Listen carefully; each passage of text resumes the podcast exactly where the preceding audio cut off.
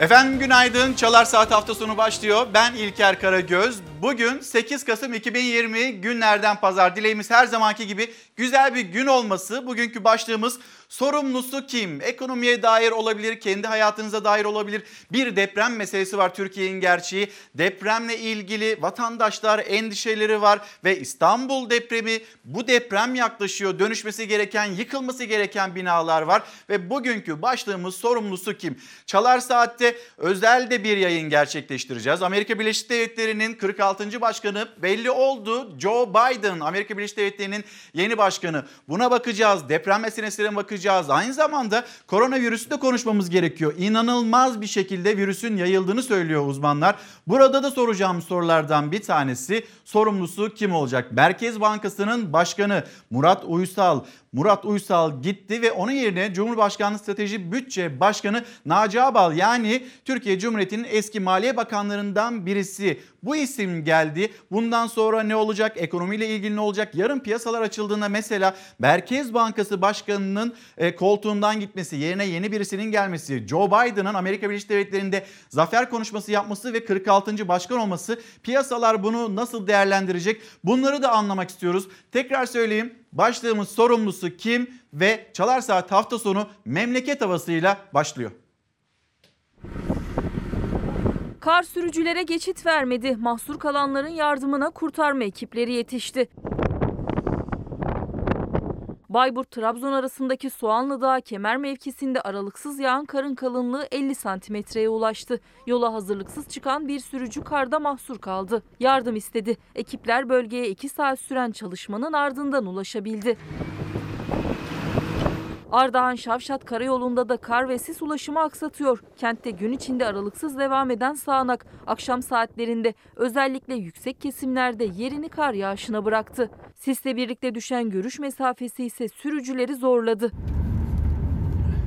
Kayseri Erciyes'te ise kar kalınlığı dağın 2500 rakımlı bölgesinde yaklaşık 15 santime ulaştı.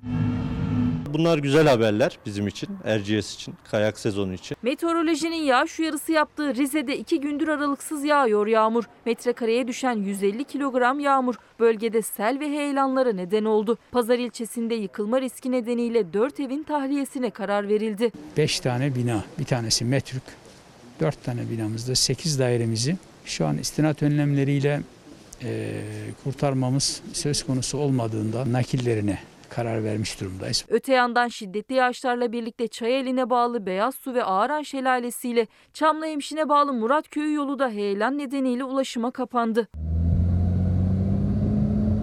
Karadeniz kıyıları hariç yurdun tamamı güneşli bugün. Yağış yarın Karadeniz'i bir günlüğüne de olsa terk edecek. Salı gününden itibaren ise hem Karadeniz'de hem de Marmara'da etkisini gösterecek.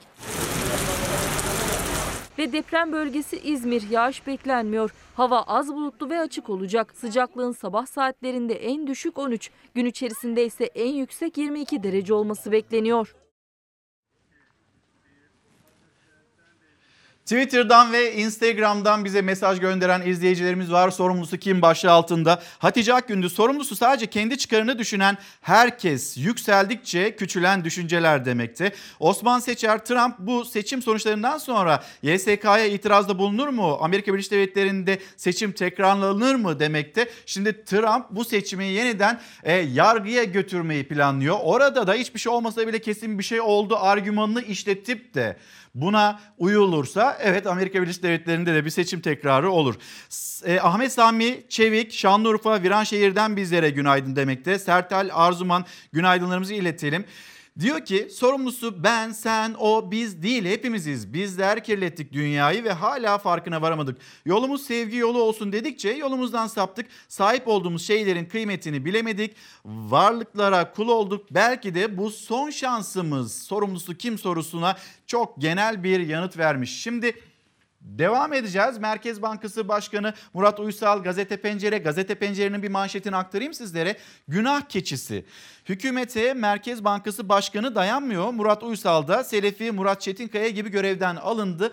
16 ay önce göreve gelmişti ve 16 ay sonra Murat Uysal da e, koltuğunu Naci Ağbal'a bıraktı. Naci Ağbal atandı yerine. Ağbal'ın merkez bankacılığında bir günlük bile tecrübesi bulunmuyor. Yine e, Uysal yetmez daha uysal demekte doçent doktor e, Oğuz Demir'in değerlendirmesi bu şekilde. Bu arada Bülent Arınç hani ekonomi nasıl ekonomiyle ilgili cümleler kurulurken Hazine ve Maliye Bakanı ekonomideki bu dalgalanma ya da vatandaşların bu yoksullaşıyoruz itirazlarıyla ilgili psikolojik cümlesini kurduktan sonra Yüksek İstişare Kurulu üyesi Bülent Arınç yani Cumhurbaşkanlığında Cumhurbaşkanı Erdoğan'ın en yakınında olan isimlerden bir tanesi.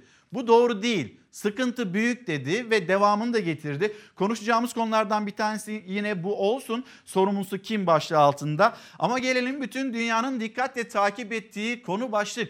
Amerika Birleşik Devletleri Başkanı Yeni başkanı Joe Biden 46. başkan ve yine gazete pencerede yer alıyor. Çekişmeli geçen sayımı 4 gün süren seçimler sonuçlandı. Biden Amerika Birleşik Devletleri'nin 46. başkanı olduğu ve zafer mesajı paylaştı. Trump ise hala hile iddiasını sürdürüyor. Amerika Birleşik Devletleri'nin sonunda yeni başkanını belirledi. Pensilvanya'da e, geriden gelip öne geçen Biden zaferini ilan etti. Ve zaferini ilan ettikten sonra Joe Biden hangi cümleleri kurdu? Bir tarafıyla Amerika Birleşik Devletleri'ndeki ilk açıklamaları sizlerle paylaşacağız. Sonra Amerika Birleşik Devletleri'ne, New York sokaklarına, Washington sokaklarına da gideceğiz. Oradan da bilgiler aktaracağız.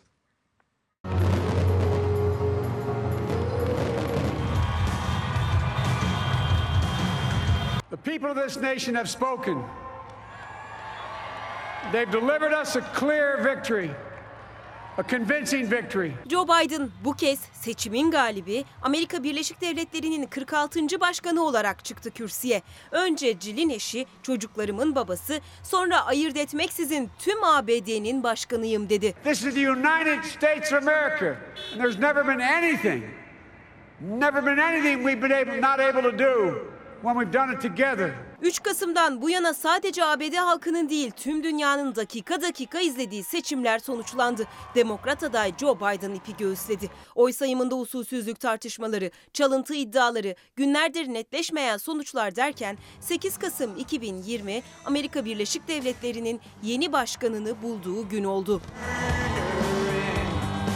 Delaware kentinde yaptı zafer konuşmasını Biden. Amerika'nın iyileşme dönemi geliyor dedi. Haysiyeti geri getirme, demokrasiyi koruma savaşı, herkese adil bir şans verme savaşı dedi. Of the whole people Orta sınıfı güçlendirme, ekonomiyi düzeltmenin öncelikli hedefleri olacağını vurguladı. Cumhuriyetçilere barış çağrısı yaptı. Birinci gündem maddeleri olarak da koronavirüsle mücadeleyi gösterdi. 20 Ocak itibariyle başlayacak yeni bir mücadele planından bahsetti. Konuşmanın sonunda ailesi, eşi, çocukları ve torunları da sahnedeydi Biden'ın. Bir öğretmen olan eşi Jill Biden'ın Beyaz Saray'da çok iyi bir First Lady olacağını söyledi. Bütün ailem olmasa burada olmazdım dedi.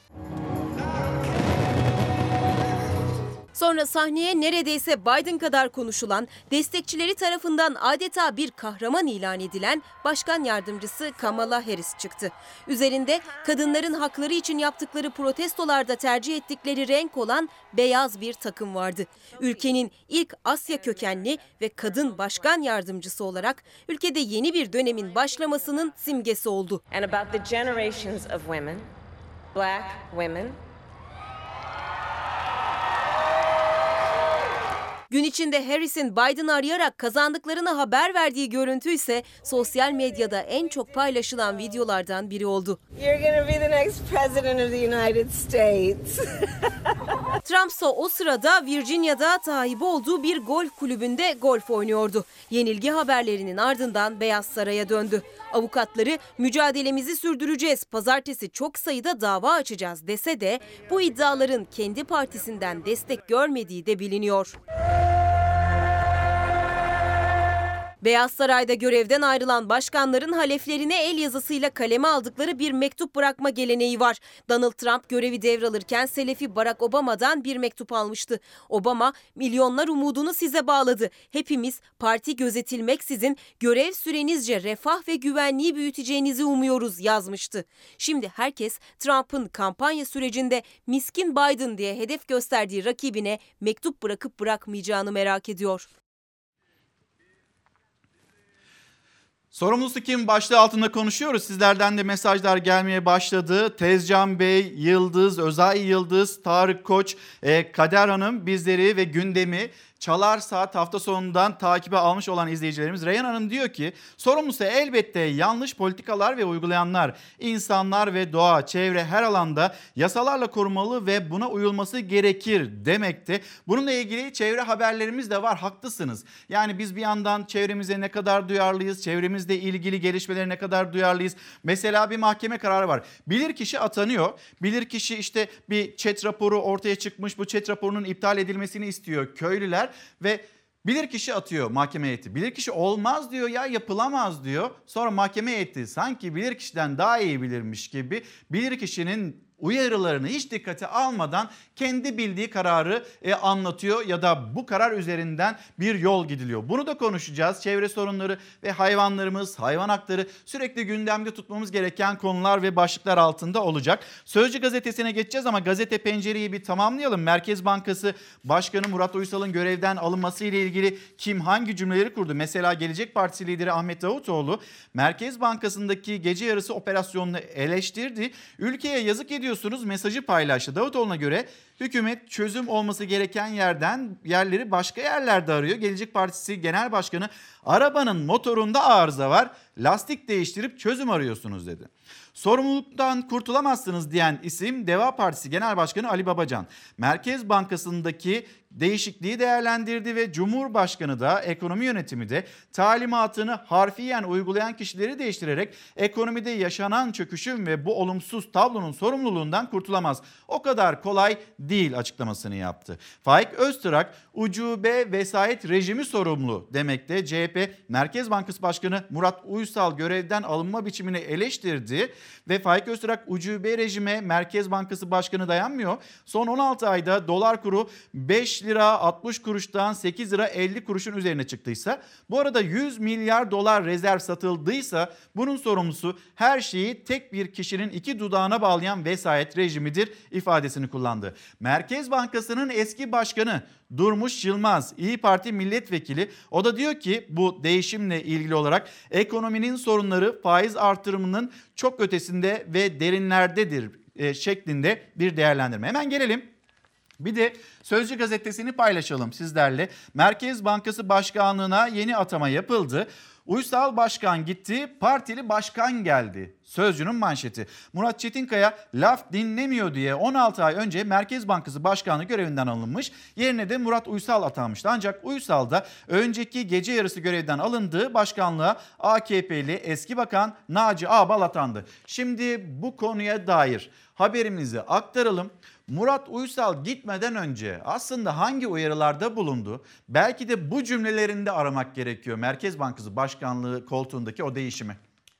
Türk lirasının aşırı değersiz noktada olduğunu da değerlendirebiliriz. Dünyada en çok faiz indirimine imza atan Merkez Bankası Başkanıydı Murat Uysal. Bir hafta önce Türk lirasındaki değer kaybının altını çizmiş, Hazine ve Maliye Bakanı'nın açıkladığı enflasyon hedefinin üzerinde bir hedef açıklamıştı. Cumhurbaşkanı Erdoğan Merkez Bankası Başkanı'nı görevden aldı. Merkez Bankası'nda 16 ay içinde ikinci deprem yaşandı. Yerine Cumhurbaşkanlığı Strateji ve Bütçe Başkanı eski Maliye Bakanı Naci Ağbal'ı atadı. Önceki Merkez Bankası'nı görevden aldık çünkü laf dinlemiyordu. Murat Çetinkaya iktidarın faiz indirimi talimatlarına uymadığı için görevden alındı 16 ay önce. Yerine yardımcısı Murat Uysal getirildi. Göreve geldikten sonraki ilk para politikası kurulu toplantısında Merkez Bankası faiz indirdi. Yeni arkadaşımızla yola devam ettik ve dedik ki bak böyle böyle faiz oranlarını düşüreceğiz. Cumhurbaşkanı da güvenini açıkça dile getirmişti yeni başkana. Murat Uysal'ın Merkez Bankası Başkanlığında 9 kez üst üste faiz indirimi yapıldı.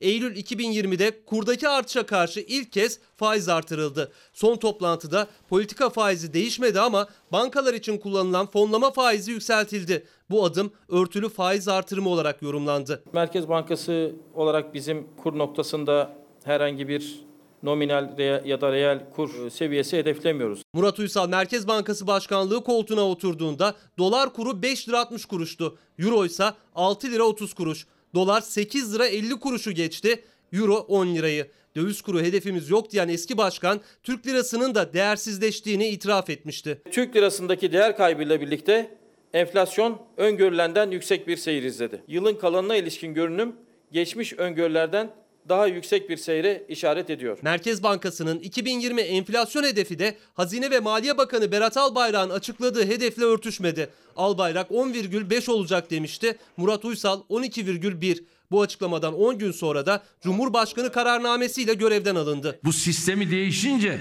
Merkez Bankası'nı görevden alma yetkisini de aldık. Murat Uysal'ın görevden alınmasına ilişkin bir gerekçe açıklanmadı. Yerine Naci Ağbal'ı getirdi Cumhurbaşkanı. Ağbal, Merkez Bankası geçmişi olmayan ilk Merkez Bankası Başkanı oldu. Eski Maliye Bakanı, son görevi ise Cumhurbaşkanlığı Strateji ve Bütçe Başkanlığıydı. 2021 bütçesini de hazırlayan isimdi. Artık para politikasından sorumlu.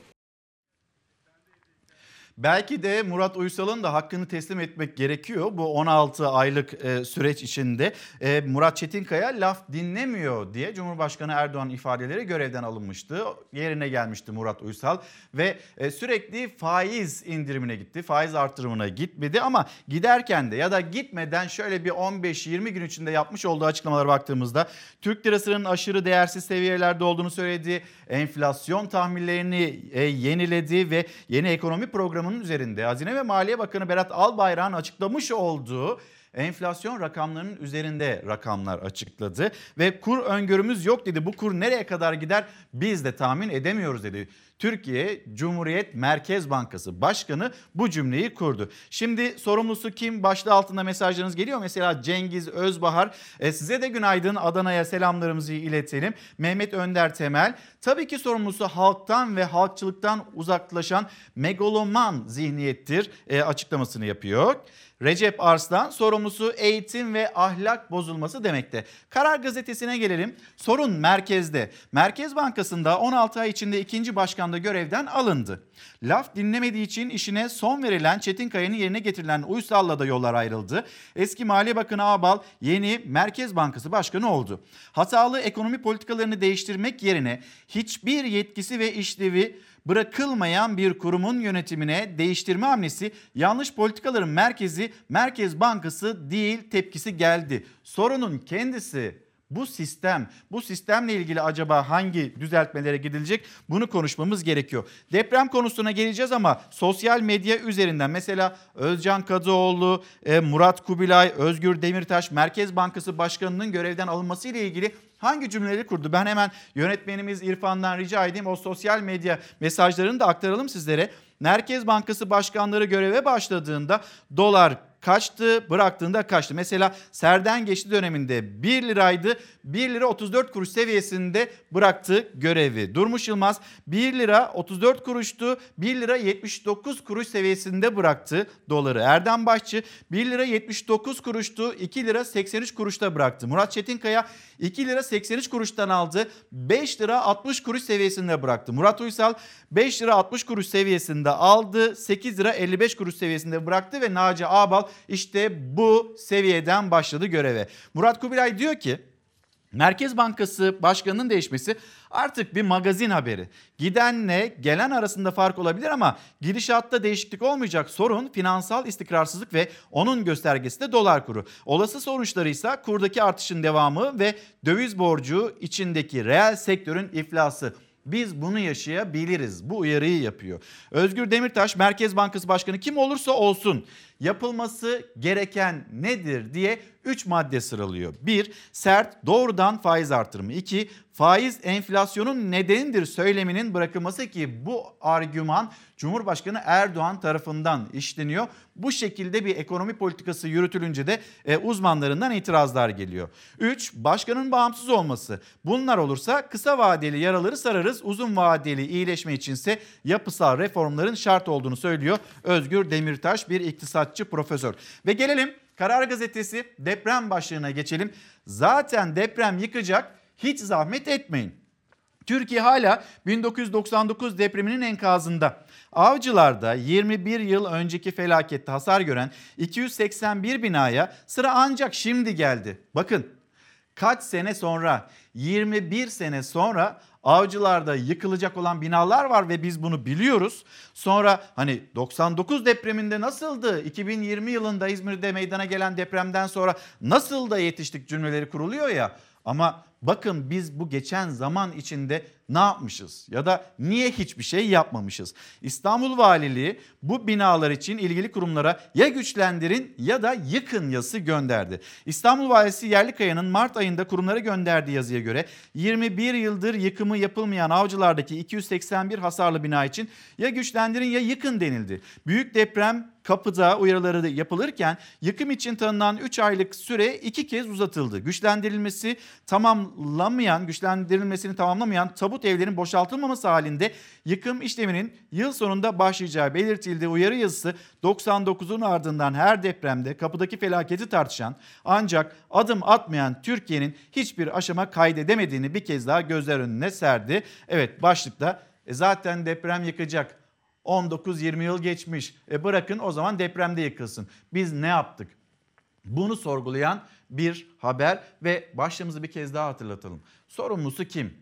Bunu kim yapmadı? Neden yapmadı? Devlet mi, belediye mi, vatandaş mı? El birliğinde kaldırılacaksa eğer buradaki problemler neden şimdiye kadar o yapıcı ve hızlı hamleler yapılmadı konuşulması gerekiyor. Gelelim şimdi İzmir depremi. İzmir depremine döneceğiz. İzmir yaralarını sarmaya çalışıyor. Bir yandan da o enkazlardan anılarını topluyor.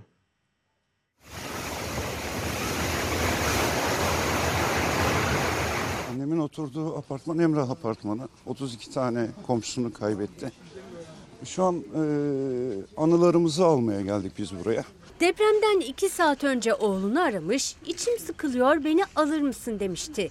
Evden çıktıktan sonra apartmanı yıkıldı, 32 komşusunu kaybetti. Gülizar Özgür ve oğlu büyük faciadan bir hafta sonra apartmanlarının karşısına kurulan çadırda anılarını aramaya geldi. Vallahi kar, karma karışık ben bir şey hissedemiyorum. Enkazdan çıkarılan ziynet eşyaları polise teslim edildi. Kalanlar Kızılay tarafından kurulan çadırda raflara dizildi, kutulara saklandı. Eşya olarak değil.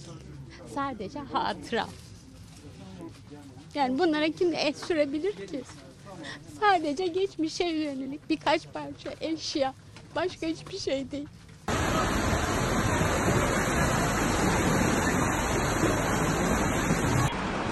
Depremin büyüklüğü ortaya çıkan her görüntüde bir kez daha anlaşılıyor. Bu görüntüler Seferihisar Sığacık'ta kaydedildi. İzmirlilerin depremi hissedip koşmasıyla sular da yükselmeye başladı. Karayla deniz birleşti, tekneler sürüklendi, içinde mahsur kalanlar oldu. Ağır hasarlı, acil yıkılacak ve yıkık e, toplam bina 309, 3152 az hasarlı, e, 372 de orta hasarlı binamız var. Bayraklı ilçesinde yıkımlar sürerken Çevre ve Şehircilik Bakanı Murat Kurum da bölgedeki hasar durumları ve yapılacak destekler hakkında bilgi verdi. Ağır hasarlı binalarda ev sahiplerine 13 bin lira yardım yapacağımızı daha önce açıklamıştık. E, kiracılarımıza da 5 bin lira yardım yapıyoruz. Orta hasarlı e, ki 5 bin civarında orta hasarlı e, konutumuz var. Orta hasarlı ailelerimiz için de e, yine ev sahiplerine 5 bin lira, kiracılarımıza da 2500 lira e, taşıma ve kira yardımını bugün itibariyle başlatmış durumdayız. Efendim geçmiş olsun. İzmir yaralarını sarmaya çalışırken depremin mucizesi Ayda da hastaneden taburcu oldu. Durumu iyi. Ayda'nın kurtarıcısı AFAD görevlisi Cem Erdoğan da memleketine döndü.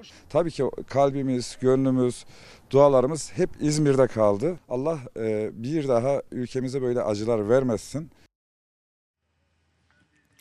Türkiye'nin koronavirüs tablosuna hemen hep birlikte göz atalım istiyoruz. Çünkü bu virüs inanılmaz bir şekilde yayılmaya devam ediyor. Biz vaka sayısını maalesef hala bilmiyoruz. Açıklanacak denilmişti. Açıklandığı zaman Dünya Sağlık Örgütü'ne bildirildiği zaman vatandaşımıza da paylaşılacak denilmişti ama biz hala Türkiye'deki günlük vaka sayısını bilmiyoruz. Dün 139.675 test yapıldı. 2483 hastanelerde tedavi gören hastamız var. Vefat sayısı 81. Mayıs ayında görmüş olduğumuz vefat sayısının çok üzerinde bir vefat sayısıyla karşı karşıyayız ve hastanelerde tedavi görenlerin daha da altında iyileşen hasta sayımız var 1928. Ama burada dikkat etmemiz gereken yer erişkin yoğun bakım doluluk oranı. Oraya baktığınızda Türkiye'deki yoğun bakım doluluk oranları aslında durumun ne kadar sıkıntıya doğru ilerlediğini gösteriyor bize. %68.5 oranında yoğun bakımlarımızda doluluk var hatırlatalım. Gelelim Sağlık Bakanı Fahrettin Koca onun kurmuş olduğu cümleler. 2483 yeni hastamız var. Hasta sayımız da ağır hasta sayımız da artıyor. Güvenli aşı uygulamasına kadar hep birlikte tedbirlere uymak zorundayız. Zorunlu olmadıkça kalabalık ortamlardan uzak durun. İşte tam da bu cümleye itirazı var vatandaşın. Zorunlu olmadıkça tamam kalabalık ortamlardan uzak duralım. E ben işe gitmek zorundayım. İşe giderken toplu taşımayı kullanmak zorundayım. Vatandaşa bunu söylüyorsunuz ama siyasetçiler e onlar da mitingler düzenliyor. Yani siyasetçiler bu virüsten muaf mı? Onlara bulaşmıyor mu? Vatandaşa bulaşıyor da siyasetçiye bulaşmıyor mu? Herkese ne kadar sokulduğunu, herkes için ne kadar büyük bir tehdit olduğunu yine söylemek gerekiyor. Ve Fahrettin Koca bu arada Fahrettin Koca dün bir an asansör ve bu da çok eleştirildi. Kalabalıktan uzak durulması gerekirken bir asansöre Sağlık Bakanı ve etrafındaki bürokratlar 10 kişinin bindiği görüldü. Onu da okuyacağız. Diyor ki Fahrettin Koca Covid-19 yayılıyor. Günlük hayattaki hareketliliğimizi azaltmadıkça ki nasıl azaltabiliriz? Mesafe kuralına uymayı zorlaştıran her tür kalabalıktan uzak kalmadıkça kendinizi virüsten yeterince koruyamazsınız. Riski azaltın, hastalığın zorluklarını yaşamamak için lütfen kendinizi koruyun dediği yine Fahrettin Koca'nın mesajı bu şekildeydi. Evet bu virüs etrafımızdaki e, çok yakınımızdaki herkese yaklaştı. Belki size gelmedi ama çemberin ne kadar daraldığını kuşkusuz sizler de hissediyorsunuz. Lütfen kalabalıklarda olmayalım. Kalabalık ortamlarda buluşmayalım deniliyor. Ama bir yandan da işte Sözcü gazetesi Sağlık Bakanı 8 kişiyle aynı asansöre bindi.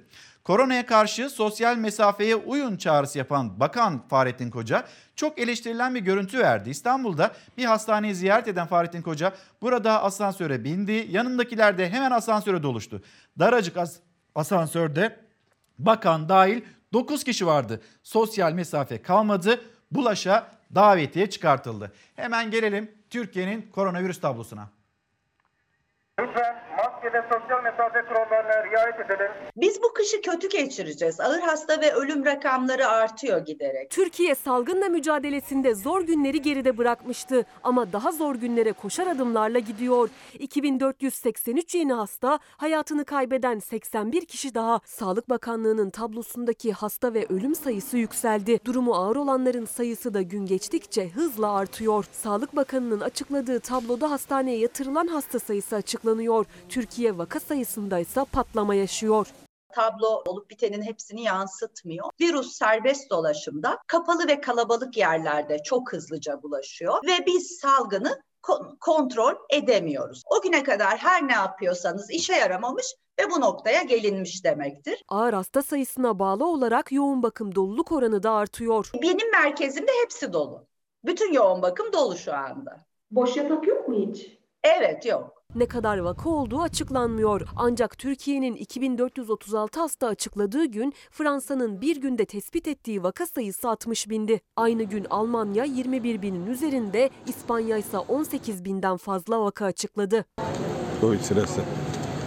Biz de Fransa gibi, Almanya gibi, İngiltere gibi çok yüksek rakamlardayız bana sorarsanız. Almanya'da bir ay önce bu yönde uyardı Türkiye'yi. Virüs taşıyan çok sayıda kişiyi verilere dahil etmediği ve vaka sayılarının Dünya Sağlık Örgütü normlarına uygun bir biçimde açıklanmadığı için eleştirdi. Verilerin uluslararası standartlara göre paylaşılmasını talep etti. Ancak bu yapılmayınca Türkiye'nin tamamı için seyahat uyarısı getirildi. Siz 80 milyon nüfusta 2000 vakayı gördüğünüz gördüğünüzde Türkiye'de işlerin daha yolunda gittiğini düşünüyorsunuz. Ama öyle değil aslında. Oraya gerçek rakamı yansıtmak çok önemli. O rakamla birlikte işin ciddiyeti daha iyi anlaşılacak uzmanlara göre. Çünkü hala maske mesafe kuralına uymayan milyonlar var. Kuralları hatırlatan, o uyarıları yapan kişilerin başında da Sağlık Bakanı Fahrettin Koca var. Ancak bakan İstanbul'daki Esenyurt Devlet Hastanesi'ni ziyareti sırasında asansöre 10 kişiyle birlikte bindi. Sosyal medya hesabından kalabalık paylaşımları yaparak sosyal mesafenin korunması uyarısında bulunan koca bu defa o görüntüyü kendisi verdi. Uzmanlarsa artık salgının yayılmasını durdurmak için kişisel önlemlerin tek başına işe yaramadığı görüşünde. Tam kapanma. Kısa süreli de olsa tam kapanma. Daha fazla kaybedecek zamanın olmadığını düşünüyorum. Bunu bu şekilde seyredemeyiz. Virüs serbest dolaşımda önüne gelene çarpıyor ve bulaşıyor. Bunu bu şekilde seyretmeye devam edersek sağlık sistemi tıkanır ve ağır vakaları sokakta bırakırsak da katlanamayacağımız kadar çok ölüm olur.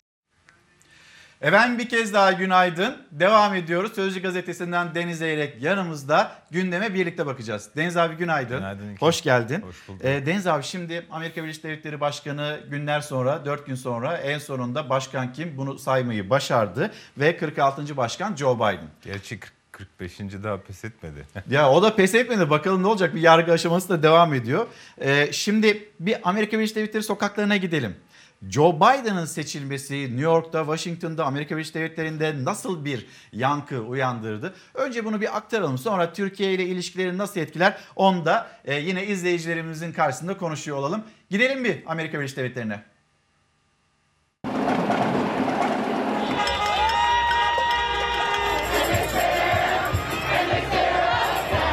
Aslında delege sayıları arasındaki farkın artmasıyla birlikte küçük gruplar halinde sokağa çıkmaya başlamışlardı zaten. Ama Biden'ın ABD'nin yeni başkanı ilan edilmesiyle destekçileri sokakları adeta karnavala çevirdi.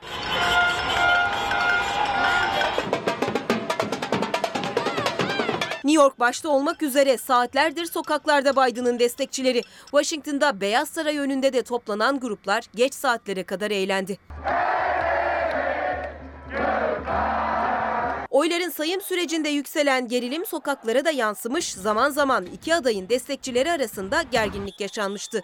Polis odaylara müdahale etmişti. Yine de endişe edilen olmamış, ciddi bir gerginlik yaşanmamıştı. Biden'ın başkan ilan edilmesiyle binlerce insan sokaklara fırladı. Korna sesleri, slogan ve şarkılara eklendi. Amerika Birleşik Devletleri'nde sokaklar bu şekildeydi. Trump gitti, Biden geldi. Kim neye sevindi, kim neye üzüldü? Benim kanaatim herkes Trump'ın gitme yani Trump'a oy vermeyenleri kastediyorum. Trump'ın gittiğine seviniyorlar. Yani baktığın zaman arkadan... Biden kazandı diye değil. Tabii tabii Biden'ın kazanmasından çok da mutlu değiller. İlker normal şartlar altında Trump'ın karşısında doğru dürüst bir aday olsa e, fark atardı. Yani Obama'nın ilk seçildiği dönemdeki gibi bir sonuç ortaya çıkardı. Hani şimdi 4 milyon fark görünüyor ama hani genel oylamada e, baktığın zaman Obama'nın ilk seçiminde 10 milyon fark vardı.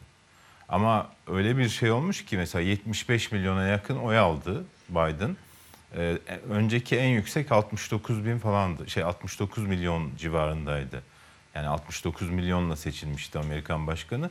İlk defa 70 milyonun üstüne çıkan bir başkan seçildi. Belki de Trump gitsin diye bu kadar ciddi de bir katılım tabii, oranı tabii. oldu. Yani iki şey etkiledi. Biri Trump gitsin diye demokratlar, demokrat seçmenler oy kullandı. İkincisi de postayla oy kullanmak e, tembel seçmenleri de e, bir şekilde Dahil oy etti kullanmaya seçim dahil etti. Yani baktığın zaman Trump'ın yenilerek aldığı oy bile bugüne kadar Amerika'da bir adayın aldığı oydan yüksek. Yani o da 70 milyon sınırını geçti.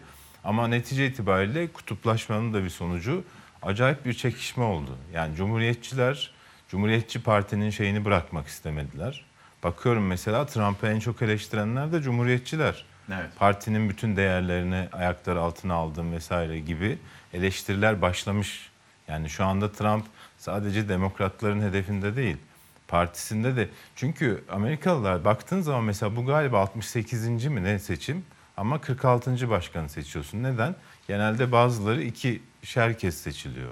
Bir de 28 yıl sonra ilk kez e, yine bir başkan, hani mevcut başkan ikinci kez seçilemedi. Seçilemedi. Yani Bush'lar seçildi, Clinton seçildi, Obama seçildi. Bush birinci de kaybetti. Bu, bu önemli bir detay. Yani bu e, Trump'ın e, kötü bir başkan olduğunun, insanların artık hani burasına geldiğinin göstergesi. E, Başka bir şey yok. gözyaşlarıyla kutlayanlar var. Bir görüntü var. Onu paylaşalım. Bir de yani hiçbir şey olmasa bile kesin bir şey oldu ama biz fark edemedik. Yaklaşımı olur mu? Amerika Birleşik Devletleri'nde yeniden seçim. İsmail Saymaz e, yayında diyor ki e, bu Trump'a diyor bir şey lazım diyor. E, YSK mı? Yok yok. İşte hiçbir şey olmasa da bir şey Ali İhsan Yavuz mu? Ali İhsan Yavuz lazım diyor. Yani öyle bir yardımcı lazım. E, ancak öyle izah edebilir. Yoksa başka şansı yok diye. Bilmiyorum Amerika Birleşik Devletleri'nde o şekilde izah edilebilir mi? Bir görüntü var. Trump'ın ardından gözyaşı dökülüyor ama o gözyaşı farklı bir gözyaşı. parent this morning. It's easier to be a dad. It's easier it's easier to tell your kids character matters. It matters. Telling the truth matters. Being a good person matters. And it's easier for a whole lot of people. If you're Muslim in this country, you, you, you don't have to worry if the president doesn't want you here. If you're an immigrant, you don't have to worry if the president's going to be happier to have babies snatched away or send, send dreamers back for no reason. reason. This is vindication for a lot of people who have really suffered. You know, the, the I can't breathe. You know, that wasn't just George Flo- Floyd. That was a lot of people that felt that they couldn't breathe. Konuşmaya devam edelim mi? Bunu burada bırakalım mı? Ne dersin? Valla şunu söyleyeyim. Bir karikatür gördüm. Çok güzel böyle özgürlük heykelinden e, maskeyle sapan gibi yapılmış. İçinde de Trump atılıyor. Yani hem bu korona işini yönetemediği mesajı var. Hem gerçekten Amerika'nın kendisinden kurtulma e, sevinci yansımış karikatüre. Hem de mesela bakıyorum onu destekleyenler vardı işte Fox TV, işte e, bu New York Post e, vesaire gibi gazeteler. Hepsi anında e, bıraktılar. Hepsi anında milli irade neyi gösteriyorsa e, onun yanında durdular. Yani çok enteresan. Herkes yılmış Tabii zaman. tabii. Yani bu mes- verilen mesaj şu. Yani Biden kazandıysa bu adamın kötülüğünden dolayı kazandı. Biden'la ilişkiler nasıl olur peki Türkiye açısından? Şimdi Biden'ın ilk konuşmasını dinledin mi bilmiyorum. Çok önemli mesajlar verdi aslında. Yani eşitlikten bahsetti. Balkon konuşması şeklinde. Tabii tabii. Yani bütün bütün e, şimdi ne diyordu e, Trump? Yeniden büyük Amerika diyordu. Biden'ın mesajı yeniden birlikte Amerika yani Daha kucaklayıcı Evet. mesajlar. Yani tek Amerika, bir, bir, bir olmuş Amerika gibi bir mesaj verdi. O önemli. Demokrasiden bahsetmesi önemli. Çünkü Trump'ın umrunda değildi. Bir röportajında ne demişti biliyor musun? Bir ülkedeki insan hakları ihlallerinden bahsederken bana ne ya diyor, dedi. Bana ne işte E canım orada. zaten o görev süresi içinde de gördük Deniz abi onu. Tabii, tabii. Ben yani silahımı satarım. Orada işte jandarmalı kim yapıyor Suriye'de ona bakmam. Ben oradaki petrole bakarım. Bir tüccar kafasıyla Tabii tabii. 4 yıl orada Tabii. görev yaptı. Tabii yani bu e, korona meselesine bakışı da mesela e, Biden'ın ilk söylediği pazartesi günü direkt bilim adamlarını toplayacağım. Bu korona işiyle mücadeleyi e, düzgün bir şekilde yapacağım diye bir mesaj verdi mesela. E, korona meselesini de o kadar e, lakayt bir şekilde ele aldı ki yani ülkesinde e, dün ben Amerika'da işte e, kardeşimle konuşuyorum diyor ki yani yaşlı huzur evleri, bakım evleri patır patır döküldü. Yani birine bulaşan bütün bütün e, ölüm vakalarının büyük bir bölümü oralardan geliyor. E, yani bu, bu bu kadar ciddiyetsiz bir yönetim tarzı olur mu? Ama yani soruna geleyim. E, Biden'la daha sistematik devletten devlete ilişki yürütmek mümkün. Yani Trump'ın tarzı e, tek adam, kişi, kişi önde olan bir yönetim tarzı. Dolayısıyla ancak kişiden kişiye ilişki kurabiliyordu. Mesela S-400 programı yani bu bir devlet genelliği şeklinde devam edecek Türkiye'ye o konularda itirazlar. Türkiye zorlanır. Yani Trump idare ederdi Tayyip Erdoğan'la ilişkisi, Cumhurbaşkanı ile ilişkisi çerçevesinde. Ama e, Biden devletten devlete işte NATO ilişkisi, ittifak ilişkisi vesaire çerçevesinde bu, bu tür S-400 türü meseleleri daha çok sorun edebilir. O zaman geçelim. Merkez Bankası Başkanı Murat Evet. Uysal görevinden alındığı yerine Naci Ağbal geldi. Bununla ilgili siyasetin kurmuş olduğu itiraz cümleleri var. Hemen o haber haberimizi aktaralım sizlere. Sonrasında da yani bu görev değişikliği neden oldu, kim kime yakın, kim kimden uzak onu da e, sizlerle paylaşmış olalım. Gece yarısı bir operasyonla Merkez Bankası Başkanı görevden alındı. Sizin dediklerinizi yapmaktan başka bir iş yapmayan bir bürokratı değiştirerek, suçu ona yıkarak bu sorumluluktan kaçamazsınız. O kadar kolay değil. Bu millet bu kadar saf değil. AK Parti hükümetlerinin özellikle son döneminde Merkez Bankası'nın itibarıyla sistemli bir şekilde oynanmıştır. Son olayda aslında tabutuna son çivinin çakılması anlamına gelmektedir. Siyasetin gündemi Merkez Bankası Başkanı'nın görevden alınması. Murat Çetinkaya 16 ay önce faiz düşürmüyor diye gitmişti. Faiz düşüren Murat Uysal da gece yarısı görevden alındı. Merkez Bankası'nı görevden aldık çünkü laf dinlemiyordu. Bir önceki Merkez Bankası ya bu laf dinlemiyor diye başkanı değiştirdiler. Söylüyoruz yapmıyor diye. Söylediklerini yapacak bir Merkez Bankası başkanı getirdiler. Ne oldu? Zamanında dönüp de kendisini eleştiren bir çiftçiye ananı da al git demişti ya. Damadı da al git demek lazım. Merkez Bankası Başkanı'nın döviz kuru hedefimiz yok açıklaması da muhalefetin gündemindeydi. Ama asıl eleştiri Cumhurbaşkanı ve ekonomi yönetimindeydi. Gece yarısı kararnamesiyle Merkez Bankası Başkanı'nın görevden alınması sonrası muhalefet iktidara seslendi. Sorumluluktan kaçamazsınız diyerek. Bütün bu problemin sorumluluğunu şimdi tek bir bürokrata yıkmaya çalışıyorlar. Ne Cumhurbaşkanı ne de ekonomi yönetimi ekonomide yaşanan çöküşün ve bu olumsuz tablonun sorumluluğundan kurtulamaz arkadaşlar. Eğer birisi görevden alınacaksa ilk önce görevden alınması gereken Hazine ve Maliye Bakanı'dır. Başarısız olan odur. İkinci olarak da bu hükümetin kendisinin gitmesi lazım. Bunlar hesap kitap bilmiyor. Ekonomide yangın var. Son 16 ay içinde ikinci kez Merkez Bankası Başkanı değişti. Arabanın motorunda sorun var. Lastiği değiştirip çare arıyorsunuz. Bu güzel ülkeye yazık ediyorsunuz. Başarısızlık Murat Uysal'ın yaptıklarında değil, sistemin kurulumunda. Bir tek adam her şeye karar verirse bu ülkenin ekonomisine kimse güven duymaz. Muhalefet ekonomideki tablonun sorumluluğu bir bürokrata yüklenemez diyor. Murat Uysal'ın yerine getirilen Naci Ağbal'ın da Merkez Bankası geçmiş olmamasına dikkat çekiyor. Naci Abal kimdir? Maliye müfettiş kökenli bir arkadaşımızdır ancak ekonomiyi bilmez. Para politikasından hiç anlamaz.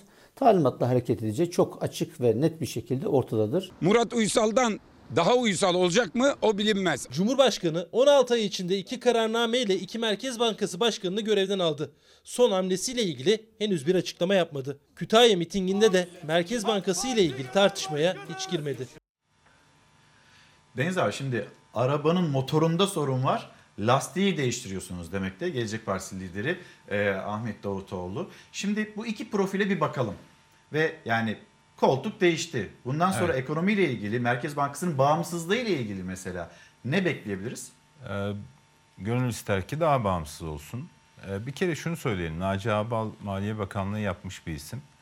Ee, dolayısıyla hani kendi ayakları üzerinde daha fazla duran, kendi kararlarını daha çok savunabilecek bir isim. Yani siyasi geçmişi belki böyle bir avantaj sağlayabilir ama siyasi kökenli olması, AK Parti'den geliyor olması Merkez e, Bankası'nın bağımsızlığı açısından e, sıkıntılı bir durum. Yani bir ekonomi bürokratını e, koymanız gereken bir yere ekonominin hani ta çekirdeğinden yetişip gelmiş birini koymak yerine siyasetten gelmiş birini koymak daha olumsuz bir durum. Biyografisine bak Naci Ağbal'ın. Yani hep böyle e, bürokraside çalışmış vesaire ama finans konusunda çok da öyle bir deneyimi yok. Maliye Bakanlığı dışında evet gelirlerle ilgili, maliyeyle ilgili birçok şey olmuş ama e, Merkez Bankası bambaşka bir şey. Finans işi bambaşka bir şey. E, diliyorum ki siyasi kimliği e, Merkez Bankası'nın bağımsızlığını tamamen rafa kaldırmasın.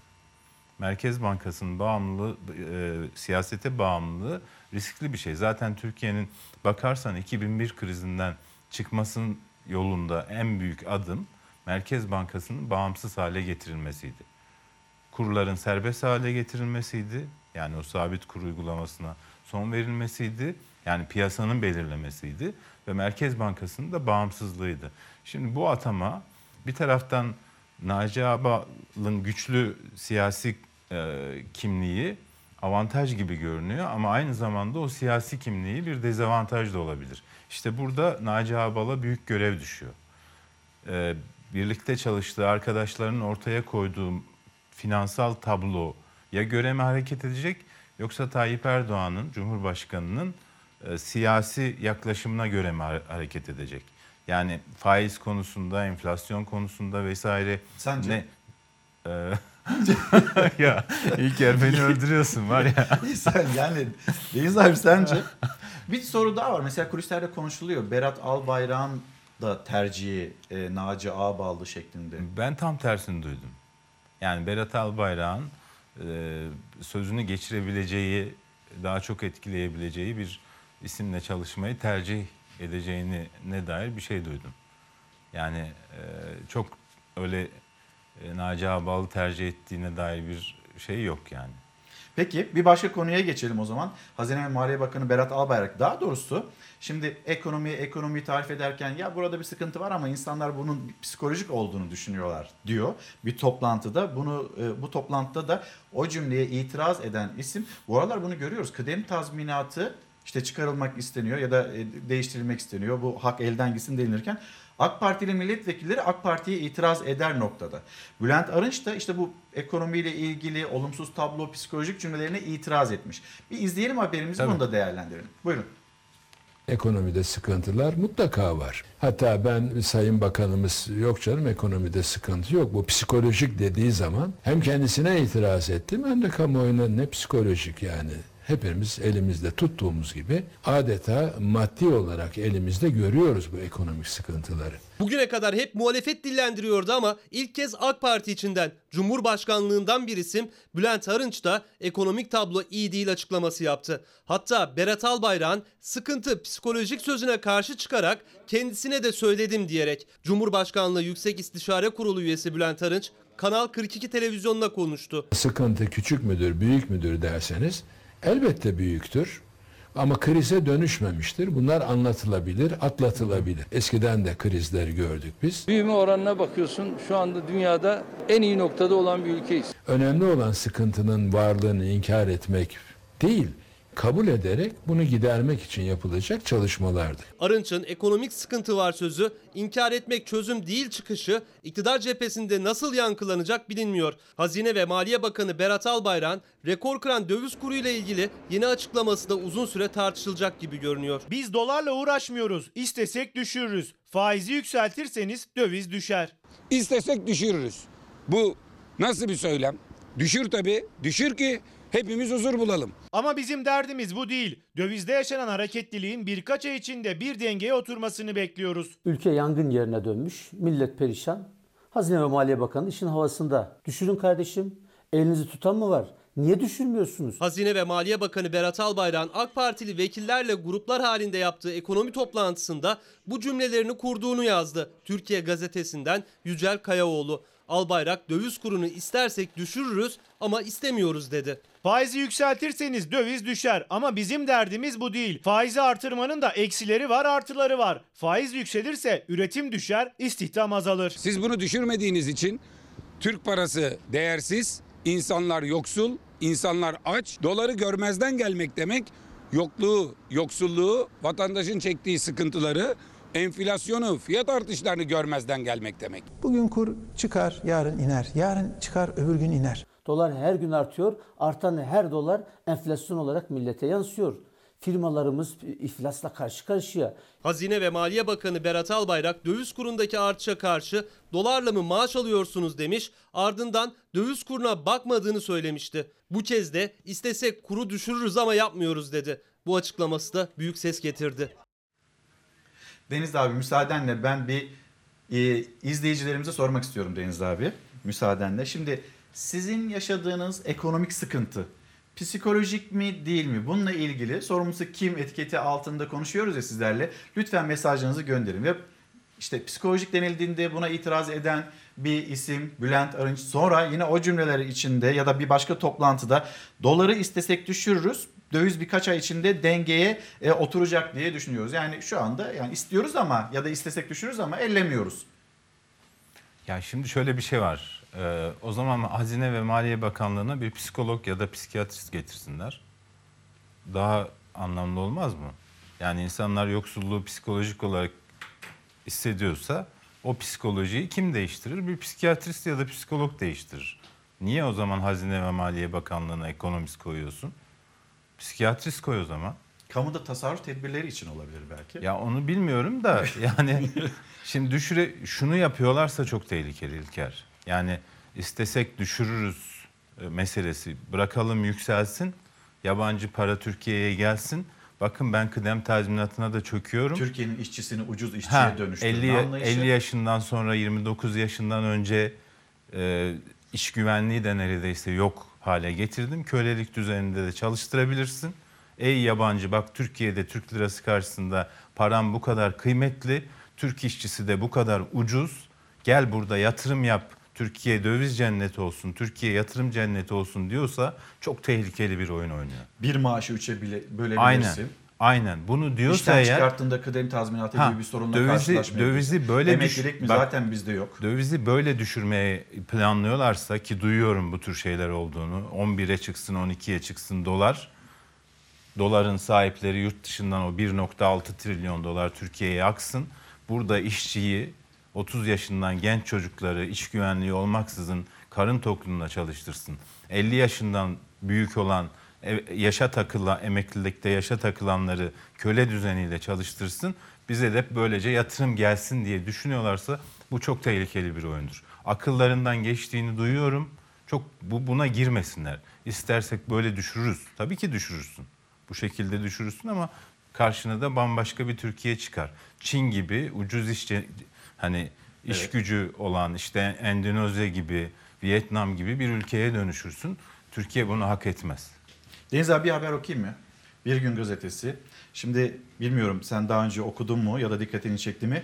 Öznel sefalet diye. Lütfen efendim dikkatle e, takip edin sizlerle. Aile ve Çalışma Bakanı'na göre yoksulluk sıfırlandı. Nasıl sıfırlandı?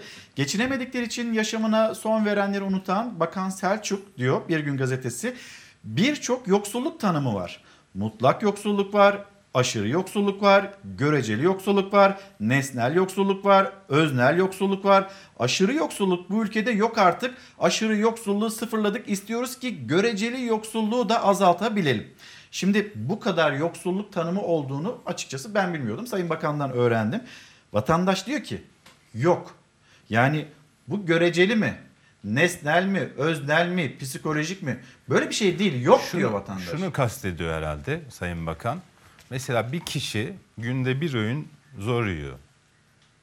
Ama başka bir kişi üç öğünü yiyor bir de gece saat 3'te işkembeciye gidiyor orada işkembe çorbası içiyor. Yani bunu bu dediğimi yapanlar var. Bu yayını izliyorlarsa kimi kastettiğimi o isimler yani anlarlar, üzerlerine de alırlar. Günde dört, dört öğün yemek yiyen için bir öğün yemek yiyenin yoksulluğu görecelidir. Yoksulluğu sıfırlamış o dört Halbuki öğün bir yani. öğün yemek yiyebiliyorsun. Ama sen dört öğün yiyene göre yoksulsun. Aslında yoksul değilsin. Başka biri dört öğün yediği için yoksul görünüyorsun. Yani asgari ücretli 2500 lirayla yoksul görünüyor, hissediyor. Çünkü Sayın Bakan 20 bin lira maaş alıyor. Yani anlatabildim Ama mi? göreceli Ona göre yani. göre Tabii ona göre ona göreceli. göre yoksul. Halbuki yoksul değil. 2000 yani 2300 lirayla istediğin gibi yaşarsın bu ülkede. Yoksul sayılmazsın. Bu kategori, kategorik bir yoksulluk değil. Ona göre göreceli. Deniz abi teşekkürler. Ben teşekkür ederim. Devam edeceğiz yine. Efendim şimdi bir reklamlara gidelim. Daha aktaracağımız çok haber var. Ee, yine hafta sonlarında Deniz Erek'le buluşmaya devam edeceğiz. Bir mola verelim. Burada buluşalım.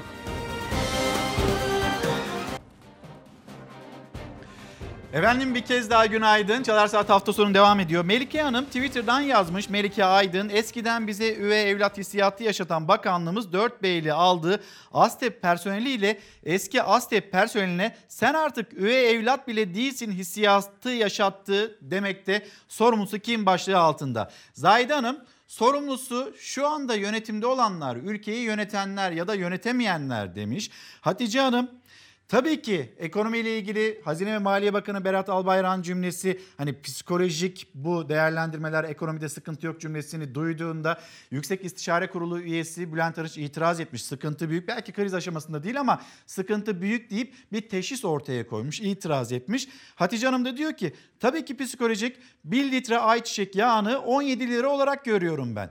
Ve gelen faturaları da harcadığım başka oluyor ya da işte ne bileyim cebimden başka oluyor. Tamamen psikolojik. Bu zaten psikolojik değil de ne olabilir ki demektir. Belki şu da olabilir. Aile ve Çalışma Bakanı'nın değerlendirmesine göre bir yoksulluk, bir e, bir sıkıntı yaşanıyorsa bununla ilgili sizin yaşadığınız nesnel bir yoksulluk değil de öznel bir yoksulluk olabilir. Birçok yoksulluk tanımı varmış. Bir kez daha hatırlatalım isterseniz.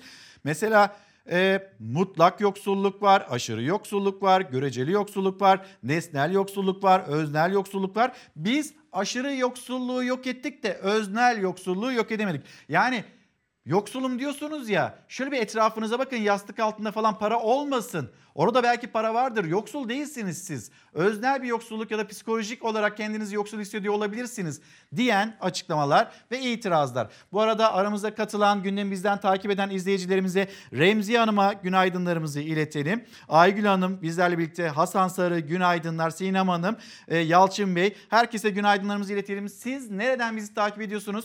Sizin gündeminizde ne var? Sorumlusu kim başlığı altında konuşuyoruz. Bir Sabah gazetesine bakalım. Sabah gazetesinin manşetiyle devam edelim Çalar Saat hafta sonuna. Bir şehir gazisini evlendiriyor.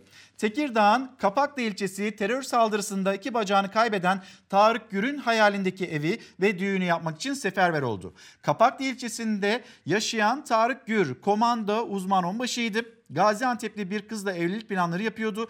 Geçen yıl Hakkari'de teröristlerin döşediği mayında iki bacağını kaybetti. Uzun bir tedavinin ardından protez bacaklarına kavuştu. Gazi Tarık Gür tedavi sürecinde en büyük desteği gördüğü kız arkadaşına evlilik teklif etti. Evet yanıtını alınca Kapaklı'da kampanya başlatıldı. İlçe halkı Gazi'ye dayalı döşeli bir ev ve dillere destan bir düğün yapmaya hazırlanıyor. Kız istemeye de belediye başkanı Mustafa Çetin gidecek demekte. Sabah gazetesinden Fırat Keskin Kılıç'ın özel haberinde. Ve gelelim Karabağ'da zafer yakın ve hani bu kadar çok olay yaşadık, problemler yaşadık, ekonomiyi konuşuyoruz ama çok önemli bir sarsıntı, bir depremi yaşadık İzmir'de yıkılan binalar ve tamamen dikkatimiz buraya kaydı. Ama Azerbaycan kendisine ait olan toprakları 30 yıldır Ermenistan işgali altındaki toprakları e, almak için mücadelesinde ne devam ediyor. Ateşkes ilan ediliyor. Ateşkesi bozan ve yine e, Avrupa'nın rüzgarını arkasına alan bir Ermenistan. Bunları konuştuk, bir ara vermiştik. Tekrar geliyoruz bu meseleye. Karabağ'da zafer yakın. Başkan Erdoğan AK Parti'nin Kahramanmaraş İl Kongresi'nde ve Kahramanmaraş Göksun yolunun açılışında konuştu. Ve e, Suriye'de, Libya'da biz var olduk. Şimdi de Azerbaycan'da biz varız. Olumlu gelişmeleri Aliyev kardeşimden dinledim. Mutlu oldum. Zafere yaklaşıyoruz açıklamasında bulundu. Cumhurbaşkanının açıklamalarını getireceğiz ekranlarınıza ama önce Azerbaycan, Ermenistan orada neler oluyor? Ve yine acaba siviller hedef alınıyor mu alınmıyor mu Ermenistan tarafından? Bir bakalım. Ermenistan bir kez daha sivilleri hedef aldı. Roketli saldırıda 16 yaşında bir çocuk hayatını kaybetti. Rusya Devlet Başkanı Vladimir Putin'le telefonda görüşen Cumhurbaşkanı Erdoğan, Ermenistan'ın işgal ettiği Azerbaycan topraklarından geri çekilmesi gerektiğini belirtti. Ermenistan'ın Azerbaycan'daki sivil yerleşim yerlerini hedef alan saldırıları devam ediyor. Ermenistan ordusu son olarak Berde kentini hedef aldı. Roketli saldırı düzenledi. Roketin Yeni Eğrice köyündeki bir tarlaya düşerek patlaması sonucu 16 yaşındaki Şahmalı Rahimov hayatını kaybetti. Ermenistan'ın 27 Eylül'den bu yana Azerbaycan'daki sivil yerleşim yerlerine düzenlediği saldırılar sonucu şu ana kadar 93 sivil hayatını kaybetti. 404 sivil ise yaralandı. Azerbaycan ordusu 4 Ekim tarihinde Cebrail'in 17 Ekim'de ise Fuzuli'nin kent merkezini özgürlüğüne kavuşturmuştu. 27 yıl sonra işgalden kurtarılan Fuzuli ve Cebrail bölgesi işte böyle görüntülendi. Her iki bölgede de Ermenistan'ın geride bıraktığı bomba ve mayınlardan temizleme çalışmaları devam ediyor. Cumhurbaşkanı Erdoğan Putin'le telefonda yaptığı görüşmede Azerbaycan'ın karşı harekatının kendi topraklarıyla sınırlı olduğunu ifade etti. Ermenistan yönetiminin aklı selimle müzakere masasına oturmaya ikna edilmesi gerektiğini dile getiren Cumhurbaşkanı Erdoğan, bu ihtilafın kalıcı bir çözümle sona erdirilmesinin ve bölgenin istikrara kavuşmasının kilit önemde olduğunu vurguladı. Müdavim izleyicilerimizden Derya Bey ve Fersan Bey onların mesajlarına da hemen bakayım. Sorumlusu kim? Dolar yükseldikçe çiftçi neden krize girer? Marketlerdeki her şeye neden zam gelir? Dolar kurundaki artıştan dolayı ilaç, gübre, mazot gibi girdilerin birçoğu tamamen ithal olduğu için olabilir mi acaba? Ama biz dolara bakmıyoruz. Dolarla mı maaş alıyorsunuz? Dolar e, borcunuz var gibi cümlelerde duyuyoruz. Fersan Bey de diyor ki hani pek çok yoksulluk tanımı yapılıyor ya nesneli var, özeli var, mutlağı var, mutlak olmayanı var. Sanal yoksulluğu unutmuşlar. Bu e, terimi de literatüre ben katayım o zaman demekte Fersan Bey göndermiş olduğu mesajda. Mehmet Öztürk günaydın. Hopa'ya sevgilerimizi gönderelim ve Deniz Öztürk yine bizlerle gündemi e, takip alan izleyicilerimiz arasında. Gelelim Cumhurbaşkanı Erdoğan, Cumhurbaşkanı Erdoğan Kahramanmaraş'taydı. İl kongresinde konuştu. Şimdi acaba bu konuşmada Cumhurbaşkanı Merkez Bankası'ndaki o değişiklikle ilgili mesajlar verecek miydi? Tabii ki dikkatler buradaydı. Ekonomiyle ilgili ne söyleyecekti? Muhalefete yönelik salvoları ne yönde olacaktı? Ve yine Azerbaycan, Azerbaycan Karabağ sorunu ile ilgili hangi cümleleri kuracaktı? Meraklar, dikkatler üzerindeydi. Bakın hangi mesajları verdi. İnşallah Kıbrıs'ta şimdi yeni bir süreç başlıyor. Ayın 15'inde Cumhur İttifakı olarak Sayın Bahçeli ile birlikte Kuzey Kıbrıs'ta olacağız. Törenlere katılacağız. Kapalı Maraş bölgesinde şöyle topluca bir piknik yapacağız. Kıbrıs'a çıkarma yapmaya hazırlanıyor Cumhur İttifakı. Erdoğan ve Bahçeli 15 Kasım'da Kıbrıs'ta olacak. Türkiye'nin Akdeniz politikasına yönelik mesajlarını da verecekler. Geçtiğimiz haftalarda bir kısmı açılan Maraş bölgesinde ziyaret edecekler. Kuzey Kıbrıs'taki kardeşlerimizle ana vatan yavru vatan birlikteliğimizi orada bizzat yaşayarak ortaya koyacağız. Buna ihtiyaç vardı ve bu gecikti. Şimdi bu inşallah yeniden oluşacak. Kahramanmaraş İl Kongresi'nde konuştu Cumhurbaşkanı Erdoğan. Akdeniz'de gündemindeydi. Ermenistan'ın Dağlık Karabağ işgali de. Şimdi de Azerbaycan'da biz var olduk, biz varız. Bu sabah İlham Aliyev kardeşimle görüştük. Şu andaki gelişmeleri bizzat kendisinden dinledim. Elhamdülillah. Olumlu gelişmeleri kendisinden dinleyince de ayrıca mutlu oldum. Azerbaycan ordusu yeni günde de 16 köyü Ermenistan işgalinden kurtardı. Erdoğan zafer yakın dedi. Zafere inşallah yaklaşıyoruz. Rabbim yar yardımcıları olsun. 30 yıl işgal altındaki topraklarından ayrı kaldılar. Ama şimdi işgal altındaki topraklarına yeniden kavuşuyorlar. Cumhurbaşkanı konuşmasında CHP'ye de eleştiriler yöneltti. Şimdi bizim IMF'e borcumuz var mı? Yok. Ama ne diyor CHP? Bak böyle gidemeyeceksiniz. IMF'den borç alın. Ya bunlar bizi ne zannediyorlar? Bu CHP IMF'den borçlanmaya alışmış. Onların kapısında kul köle olmuşlar. Biz bu duruma düşmedik, düşmeyeceğiz. Umut, Senem Yiğit, e, Aykut Çarıkçı, Hülya İzciler e, takip almışlar. Gündemi bizden takip ediyorlar. Türkiye'nin dört bir yanından mesajlar geliyor. Sorumlusu kim başlığı altında konuşuyoruz sizlerle. Efkarlı çocuk yine bizi takip alan izleyicilerimiz arasında. Onlara da günaydınlarımızı iletelim. Devam edelim. Sizin gündeminizde ne varsa bizim de gündemimizde o var. Ve özellikle Türkiye'nin gündemindeki konulardan bir tanesi koronavirüs salgını. Bu salgınla ilgili süreci iyi götürüyor muyuz, götüremiyor muyuz? Dünya ne yapıyor? Biz ne yapıyoruz? Verilerle ilgili endişeler var. Bunları da hep birlikte konuşalım. Bir gün gazetesinin manşeti test sayısını azaltın baskısı. Verileri milli çıkar bahanesiyle gizleyen Sağlık Bakanlığı bu kez de hekimlere test sayısını azaltın, herkese ilaç verin baskısı yapıyor. Sağlık Bakanlığı'nın hekimlere test sayılarını azaltması ve yan etkileri nedeniyle Dünya Sağlık Örgütü'nün tedavi rehberinden çıkardığı e, hidroksiklorokin ilaç tedavisini yoğunlaştırması için baskı yaptığı ortaya çıktı. Başhekimler ve sağlık müdürlükleri aracılığıyla hekimlere bu yönde mesaj gönderildiği öğrenildi. Talimatlar üzerine bazı illerde başhekimlerin hastanelerin ilaca başlama oranlarını kıyaslayarak oranı düşük kalan hekimleri ilaç oranını yükseltmesi için uyardığı kaydediliyor. Bakanlığın baskısına Türk Tabipler Birliği'nden de tepki var. Bu arada Sağlık çalışanlarımız hayatlarını kaybetmeye devam ediyor. Türk Tabipler Birliği dün yine sosyal medya üzerinden bir arkadaşıyla daha, bir sağlık çalışanı, bir doktorla daha vedalaştı ve ölüyoruz başlığı altında. Kayseri'de kulak, burun, boğaz hastalıkları uzmanı olarak çalışan Doktor Sami İpek'i Covid-19 nedeniyle kaybettik. Allah rahmet eylesin. Ailesine ve tüm sağlık camiasına başsağlığı dileriz ve diyor ki Türk Tabipler Birliği yönetemiyorsunuz. Siz bu süreci iyi götüremiyorsunuz mesajlarını paylaşıyorlar. Şimdi böyle bir iddiayı dillendirirken Bir Gün Gazetesi hemen şunu da söyleyelim. Mesela bazı illerimizden alarm noktasında, kırmızı alarm noktasında uyarılar geliyor. O illerden bir tanesi Eskişehir.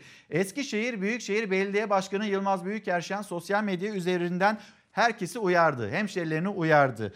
Durumun ciddiyetinin farkına varalım sevgili hemşerilerim, kıymetli hemşerilerim. Vaka sayıları şehrimizde her geçen gün artıyor. Zorunlu kalmadıkça evden çıkmayalım. Çıktığımızdaysa maskemizi takarak sosyal mesafeyi korumaya özen gösterelim diyor. İşte ekranlarınıza yansıyor. Eskişehir'deki tablo bu şekilde. Ankara Ankara'da böyleydi yaz aylarında. Ankara Türkiye'nin Wuhan'ı haline gelmişti. Sonra İstanbul'la ilgili çok ciddi uyarılar yapılıyor.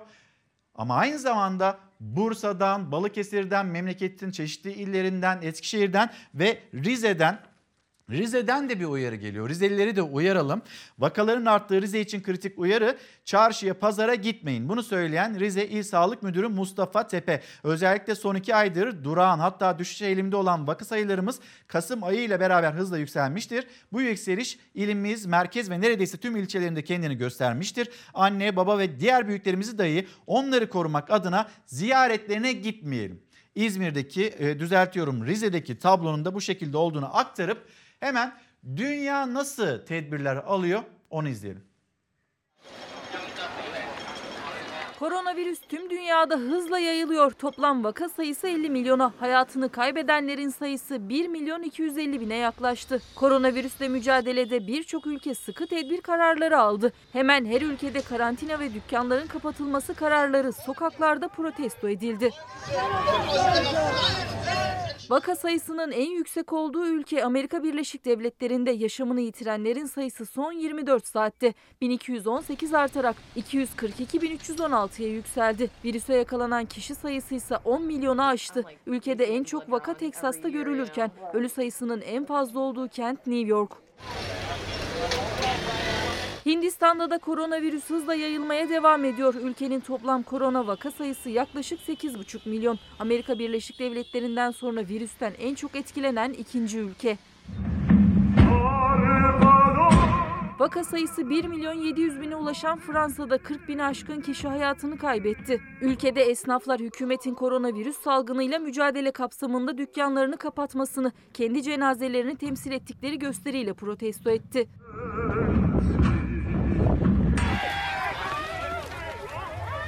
Almanya'da artan koronavirüs vakalarının ardından yeniden uygulanmaya başlanan karantina tedbirleri protestolara neden oldu. İspanya ve Kosova'da da kafe ve restoran çalışanları hükümetin koronavirüs salgınına karşı getirdiği kısıtlamaları protesto etti. Yunanistan'da da yeni tip koronavirüs salgın nedeniyle karantina uygulaması başladı. Polisler başkentin önemli yollarında kontrol noktaları oluşturdu. Ekrem Uysal günaydın Ekrem abi ve yine ekran karşısında olan tüm izleyicilerimize günaydın diyelim. Edirne'ye aspirin turizmi Karar Gazetesi'nde yer alan bir haber. Aspirinin koronavirüs tedavisinde kullanıldığına dair yayınların ardından vatandaşlar eczanelere koştu. Ama buna bir dikkat edelim çünkü Profesör Doktor Mehmet Ceyhan ciddi uyarılarda bulunuyor. Tanı konmayan kişilerin kan sulandırıcı olarak aspirin kullanmasının ölüme yol açabileceği uyarısında bulunuyor. E, günübirlik alışveriş için Edirne'ye gelen Bulgarlar da eczanelere akın edip rafları boşalttı. Aspirin satışlarında %84'lük bir artış var. Belki hani test sonucunuz pozitif çıktıysa faydası var ama siz bunu koruyucu bir önlem olarak kullanırsanız ölümcül nedenlere de e, sebep olabilir demekte. Bu arada Bulgarların neden sürekli Edirne'ye geldiği, neden Edirne'den alışveriş yapmak için e, gayret ettiğinin üzerinde de durulması gerekiyor. Bunun da bir sorumlusu var herhalde. Bunu da düşünmek gerekiyor. Şimdi devam edelim. Devam edeceğimiz haber hem ekonomiye dair konuşuyoruz hem e, bakıyorsunuz koronavirüsle ilgili konuşuyoruz ama bir Milliyet gazetesine bakalım. Bizim sürekli gündemde tutmamız gereken konu ve yaşadık Can kayıplarımız var. 114 kişiyi kaybettik maalesef ve Milliyet gazetesinin manşeti. Her isteyen yapamayacak. Müteahhitliğe sıkı kurallar geldi ve senelerdir konuşulurdu. Herkes, her isteyen bir şekilde araziyi bulan, kişiyle anlaşan ya da işte ne bileyim o inşaatı yapabilecek kişilerle anlaşanlar gelip müteahhit oldu ve onlar zenginleşti. Zenginleştikçe gözlerini para hırsı bürüdü. Binalar öyle depreme de çoğu yerde maalesef dayanıklı yapılmadı. Ve şimdi her isteyen artık müteahhitlik yapamayacak. Yeni müteahhit tek projede 2.9 milyon lirayı aşamayacak şekilde en fazla 7 kata kadar iş üstlenebilecek denilmekte. Milliyet gazetesinin manşeti bu şekilde. Şimdi devam edelim derken İstanbul, İstanbul'da yaşanılan risk, yıkılması gereken binalar. Avcılardan söz ettik. Avcılarda binalar yıkıldı yıkılacak. Biz daha yeni burada bu kadar binanın yıkılması gerekliliğini hatırlıyoruz ve hatırlatıyoruz. Hazır olmamız gerekiyor. İstanbul'da o deprem olacak. Maalesef maalesef biz kendimizi hazır hissetmiyoruz ve vatandaşlar endişeliler. Artık bir şey yapılması gerekiyor demekteler.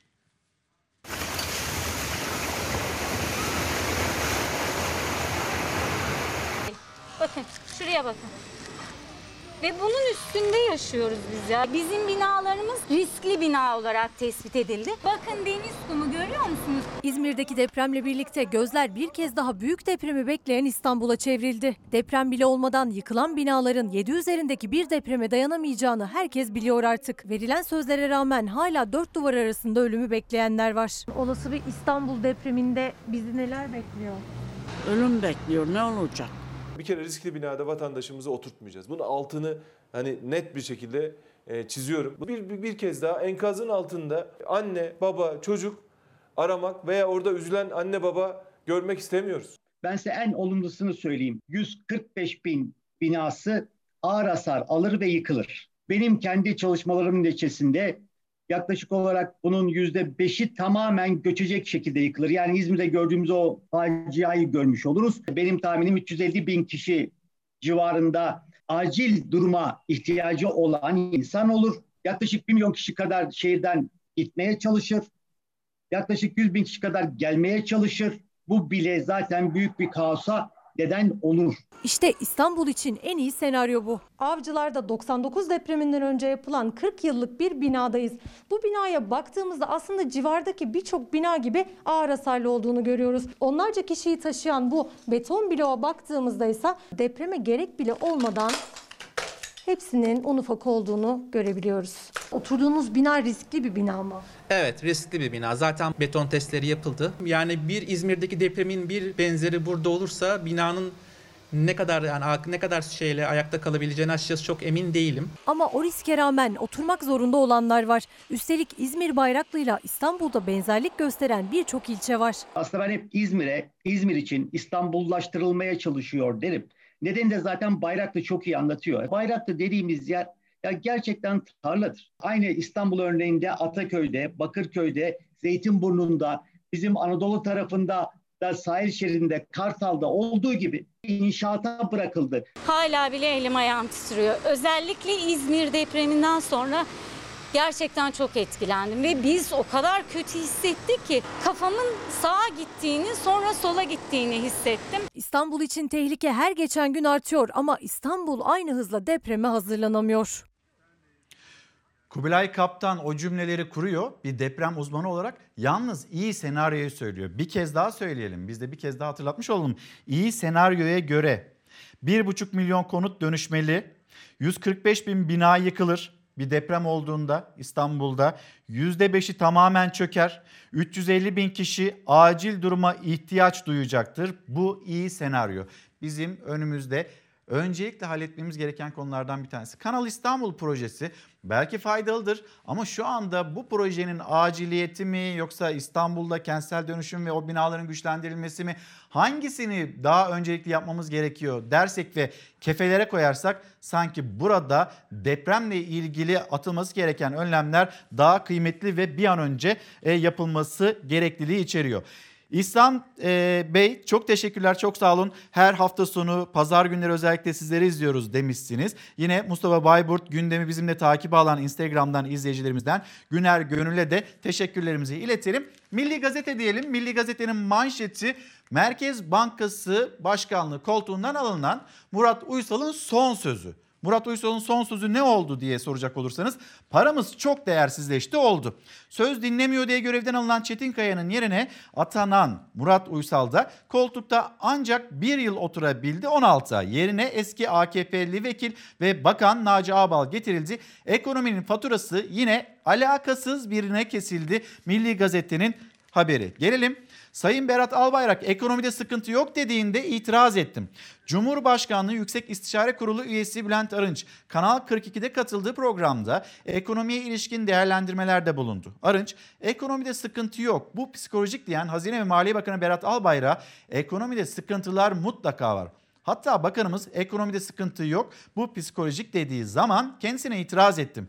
Önemli olan sıkıntının varlığını inkar etmek değil kabul ederek bunu gidermek için yapılacak çalışmalardır demiş Bülent Arınç. İşte bu cümlelerle de Hazine ve Maliye Bakanı Berat Albayrak burada bir problem burada bir sıkıntı var demiş. Hem de sıkıntının büyük olduğunu söylemiş. Belki kriz seviyesinde değil ama burada bir sıkıntı olduğunu söylemiş. Gelelim işçiler, işçilerin kıdem tazminatı ve bu kıdem tazminatı ile ilgili düzenleme torba yasadan çıkacak mı çıkmayacak mı?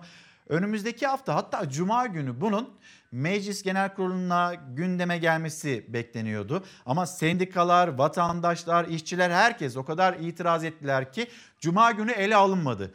Hiç gündemde yoktu AK Parti'nin MYK'da bu konuyu ele alacağı. Şimdi hafta başında MYK toplanacak. AK Parti karar organını toplayacak ve burada bir değerlendirme yapılacak. Ama süreci bir hatırlayacak olursak yaz aylarında kıdem tazminatı bir kez daha gündeme gelmişti. Cumhurbaşkanı sendikalarla anlaşmadan, taraflarla anlaşmadan bu konuyu benim önüme getirmeyin demişti. E şimdi e, bir buçuk ay, iki ay geçti. Farklı bir isimle yine torba yasada kıdem tazminatı, emeklilik hakkı, 25 yaş altı gençler ve 50 yaş üstü büyüklerimiz onlarla ilgili bir düzenleme. Bu düzenlemenin geldiğini gördük. Ancak bir kez daha söyleyeyim belki bir iddia gibi olacak ama bu düzenleme bence torba yasadan çıkacak. Bu düzenleme hiç çıkmayacak. Çünkü sendikalar bir yandan iktidarla görüşüyor. Hatta iktidar içinden buna muhalefet edenler var. Ve yine Milliyetçi Hareket Partisi, Milliyetçi Hareket Partisi bu düzenlemeye hiç sıcak bakmıyor. Yani bir umut, bir iddia hani bu şekilde de söyleyeyim. Belki de yanılabilirim, ısrar da edilebilir bunu çıkartmakta. Bence bu düzenleme çıkmayacak. Eğer çıkarsa anlamı şu. Emekliliği unutun. Yıllardır haklarımız, emeğimiz, alın terimiz gasp ediliyor. Nedir bu yangandan mal kaçırır gibi torba yasayı önümüze getiriyorlar. Bugün e, kıdem tazminatı işçinin iş garantisi. Kıdem tazminatı gittiği zaman e, işçi koruyucusuz kalıyor. Ben emeklilik hayalini düşünemiyorum. Ee, yani hayal diye bir şey zaten planlayamıyoruz bu gidişte. Kıdem tazminatı niçin? Bir emekli olayım. Bu da olmadığı zaman işçi ne yapacak? Torba yasa meclisteyken işçiler de sokakta. Belirli süreli iş sözleşmesine yönelik düzenlemeyi protesto ettiler. Kıdemime dokunma dediler, tasarıya kırmızı kart gösterdiler. Hükümete kırmızı kart çekiyoruz arkadaşlar. Kıdem tazminatlarının yani gasp edilmesini istemiyoruz. Şu anda bütün işçi sınıfı son derece mağdur bir durumda. Yani bizim çoluk çocuklarımız ne olacak? Halimiz ne olacak? Bizi gören yok maalesef. Yükselen sesler torba yasaya hayır diyen işçilerin sesleri. Çünkü torba yasada onların en temel hakları olan kıdem tazminatı ve emeklilik haklarının ortadan kaldırılması var. İşte İstanbul'da Eminönü Meydanı'nda toplanan işçiler bu haklarının ellerinden alınmaması için seslerini duyurmaya çalışıyor. Mecliste görüşmeleri devam eden tasarı yasalaşırsa esnek çalışma modeli gelecek. 25 yaş altı ve 50 yaş üzerindekiler için kısıtlı sürelerle sözleşme yapılabilecek. Bu da kıdem tazminatı ve emeklilik hakkının olmayacağı anlamına geliyor. Bu ülkenin geleceği için çok kaygılanıyorum. Ya hiçbir e, genç geleceğine güvenle bakabilecek durumda değil. Her şey çalışandan değil, e, sermayeden ve güçten yana. Eve ekmek götürebiliyoruz mu? Götüremiyoruz. Sadece ekmek mi? Yani sadece ekmekle bitmiyor bu iş. Nasıl emekli olacağız bu sistemle beraber? Bu şekil nasıl olacak? Ek işi olarak ammallık işi bulursam ammallık yapıyorum. Şoförlük işi bulursam şoförlük yapıyorum. Boya badana yapıyorum. Yani böyle geçimimi sağlamaya çalışıyorum. İşçiler şu halde bile zor koşullar altında çalışıyor. Bir de emeklilik ve kıdem haklarını kaybetmemek için mücadelede kararlılar. Zaten şu ekonomik krizde, pandemi koşullarında iş bulamayan insanların daha da fazla sömürülmesine ve daha da fazla zor koşullar altında yaşaması sağlanacak. O yüzden kesinlikle bu yasanın geçmesini istemiyoruz. Kıdem tazminatlarımız olmasa tabii ki yani çocuklarımızın hiçbir geleceği olmaz. Her bir ailede okuyan çocuklar var. Hepsi mağdur. Yeri geliyor çocuklarımız cebine 5 kuruş para koyamıyoruz. Aldığımız para 2300 lira askeri ücret. Nasıl geçinen? Bir kira olmuş 2000 lira. Bunu görmüyorlar mı Allah aşkına? Kulislerde konuşuluyor. Siyaset kulisleri çok hareketli. 2021 yılının Haziran ayında, Temmuz ayında bir erken seçim olabileceği ihtimali dillendiriliyor. Tam da böyle bir süreçte bu iddialar da dillendirilirken, ekonomideki bu sıkıntılar yaşanılırken işçilerle ilgili kıdem tazminatı adımı sizce atılabilir mi atılamaz mı? Bir de mesela Cumhurbaşkanı Erdoğan yaz ayında bunu söyledi. Sendikalarla görüşmeden, anlaşmadan bunu gündeme getirmeyin dedi. Rafa kaldırıldı. E peki şimdi Cumhurbaşkanına rağmen mi getiriliyor bu düzenleme? Bu soruyu da sizlere sormuş olayım. Ama muhalefete baktığımızda mesela İyi Parti lideri Meral Akşener bu düzenleme ile ilgili kurmuş olduğu cümle şu. Vicdansızlık. Bir alın teri var, bir emek var, bir çaba var. Yıllar sonra emeklilik hakkı elde edildikten sonra insanlar rahat yaşamak istiyorlar. Bu ülkede 2.6 milyon emekli 1500 lirayla geçinmeye çalışıyor. En düşük emekli maaşıyla. Yani zaten emekliler geçinemiyor ve işçiler zaten üzerlerine düşeni fazlasıyla yapıyor. Yani ne kadar omuzlarına vergi yükü binerse ya da pahalılık binerse hem onu omuzluyor hem üretmeye çalışıyor. Şimdi bu işçiye reva mı? Böyle bir düzenleme yapılabilir mi diye yine bir soruyla haberimize gidelim. Paketin içinde büyük bir zehir var. Etrafını şekerle kaplamışlar. Bazı beklenen maddeleri koymuşlar. İşçinin kıdem tazminatına el atıyorlar. Yandaşını zengin etmek için vergi affı bile çıkaran iktidar, ekmeğinin peşindeki milletimizin kıdem tazminatının peşine düşmüş. Böyle vicdansızlık olmaz. Torba yasa kabul edilemez. Çalışanlarımıza bir tuzak kuruluyor. Muhalefet tepkili, sendikalar ayakta. 25 yaşın altındaki 50 yaşın üstündeki işçilerin kıdem ve emeklilik haklarını ellerinden alan 51 maddelik torba yasaysa Meclis Genel Kurulu'nda. Türkiye Gazetesi'nin iddiasına göre Cumhurbaşkanı'nın talimatıyla işçileri hak kaybına uğratacak maddeler torba tekliften çıkarılabilir. İşveren sendikaları, işçi sendikaları gelin bir araya. Bu konuyu kendi aranızda halledin. 5 ay önce tamamlayıcı emeklilik sistemi adı altında yine bir kıdem tazminatı düzenlemesi gündeme geldiğinde Cumhurbaşkanı Erdoğan sendikalara aranızda anlaşın demişti. Düzenleme rafa kalktı. Bu kez 25 yaş altı 50 yaş üstüne geçici işçilik düzenlemesiyle işçilerin kıdem tazminatı hakkı tehlikede. Kısmi çalışma şeklinde ikiye bölerek bir iş iki kişiye veriliyor ve dolayısıyla insanların bundan sonra yaşları gelse bile primleri de olmadığı için emekli olamayacaklar. Teklifle öngörülen belirli süreli iş sözleşmesi işçilerin kıdem ve ihbar tazminatı hakkından mahrum kalmasına neden olmayacak mı? AK Partili vekil de belirli süreli iş sözleşmesiyle işçilerin kıdem ve ihbar tazminatlarının elinden alındığını dile getirdi. Gözler yeni haftada iktidarın geri adım atıp atmayacağında kulislere göre AK Parti MYK'sında bir kez daha değerlendirilecek o maddeler. Son sözü Cumhurbaşkanı Erdoğan söyleyecek. 9 ay önce bastırdığımız kıdem tazminatı broşürümüze toplatma kararı almışlar. İktidar partisi muhalefetin sesini kısmak için televizyon kapatıyor.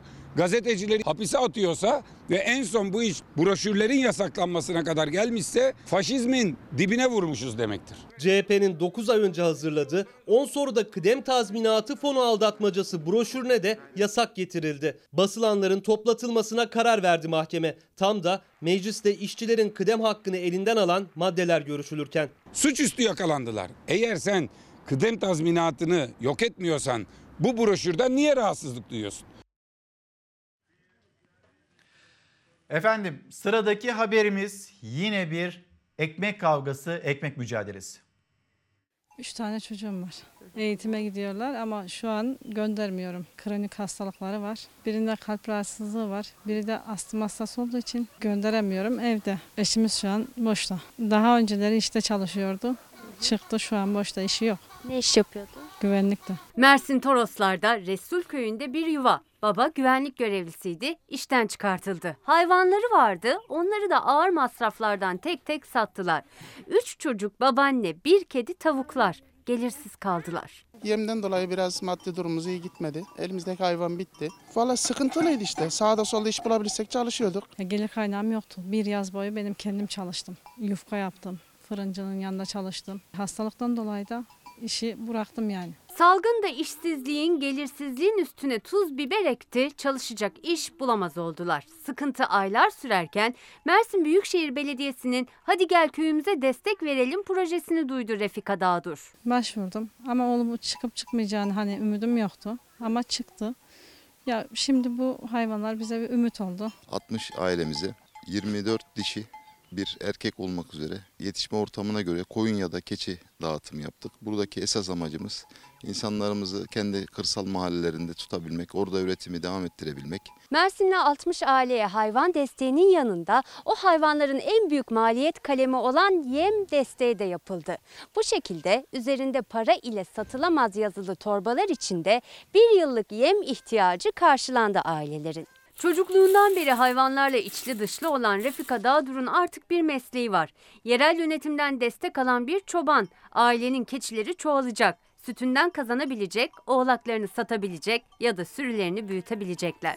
Valla geleceğe şimdiden iyi bakıyorum ben geleceğe. Çünkü niye bize bir imkan sağladılar? Bu imkanı elimizden geldiği kadar güzel şekilde yapacağız, bakacağız. Elimizden geldiği kadar çoğaltacağız.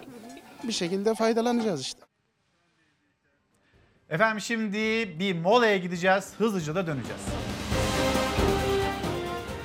Efendim bir kez daha günaydın. Çalar Saat hafta sonu devam ediyor. Ben İlker Karagöz. Şimdi sizlerden gelen mesajlar var. Mesela Emrah İnsafoğlu diyor ki yüksek gerilim işçilerine de selam gönderin. Herkese selam gönderiyorsunuz. Bizi unutmayın demekte. Bugünkü başlığımız sorumlusu kim? Sorumlusu kim başlığı altında konuşurken e, bir izleyicimiz Özgür Bey diyor ki vallahi ben değilim sorumlusu. Dilek Hanım Instagram'dan göndermiş. Tamam itiraf ediyorum. E, sorumlusu her şeyin sorumlusu benim mesajını paylaşıyor bizlerle. Ve yine Yönetenler ve yönetilenler aslında bir sorumlu arayacaksanız buraya bakmamız gerekiyor denilmekte. Şimdi şöyle yapalım hemen bir gidelim memleket havasını paylaşalım. Sizlerle paylaşacağımız çok haberler var. Hızlı hızlı ekranlarınıza taşıyalım. Kar sürücülere geçit vermedi. Mahsur kalanların yardımına kurtarma ekipleri yetişti. Bayburt-Trabzon arasındaki Soğanlı Dağı kemer mevkisinde aralıksız yağan karın kalınlığı 50 santimetreye ulaştı. Yola hazırlıksız çıkan bir sürücü karda mahsur kaldı. Yardım istedi. Ekipler bölgeye 2 saat süren çalışmanın ardından ulaşabildi. Ardahan Şavşat Karayolu'nda da kar ve sis ulaşımı aksatıyor. Kentte gün içinde aralıksız devam eden sağanak akşam saatlerinde özellikle yüksek kesimlerde yerini kar yağışına bıraktı. Sisle birlikte düşen görüş mesafesi ise sürücüleri zorladı.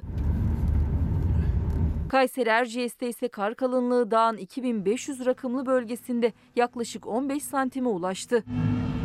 Bunlar güzel haberler bizim için, Erciyes için, kayak sezonu için. Meteorolojinin yağış uyarısı yaptığı Rize'de iki gündür aralıksız yağıyor yağmur. Metrekareye düşen 150 kilogram yağmur bölgede sel ve heyelanlara neden oldu. Pazar ilçesinde yıkılma riski nedeniyle 4 evin tahliyesine karar verildi. 5 tane bina, bir tanesi metruk, 4 tane binamızda 8 dairemizi şu an istinat önlemleriyle e, kurtarmamız söz konusu olmadığında nakillerine karar vermiş durumdayız. Öte yandan şiddetli yağışlarla birlikte Çayeli'ne bağlı Beyaz Su ve Ağaran Şelalesi ile Çamlıhemşin'e bağlı Murat Köyü yolu da heyelan nedeniyle ulaşıma kapandı. Karadeniz kıyıları hariç yurdun tamamı güneşli bugün. Yağış yarın Karadeniz'i bir günlüğüne de olsa terk edecek. Salı gününden itibaren ise hem Karadeniz'de hem de Marmara'da etkisini gösterecek. Ve deprem bölgesi İzmir yağış beklenmiyor. Hava az bulutlu ve açık olacak. Sıcaklığın sabah saatlerinde en düşük 13, gün içerisinde ise en yüksek 22 derece olması bekleniyor.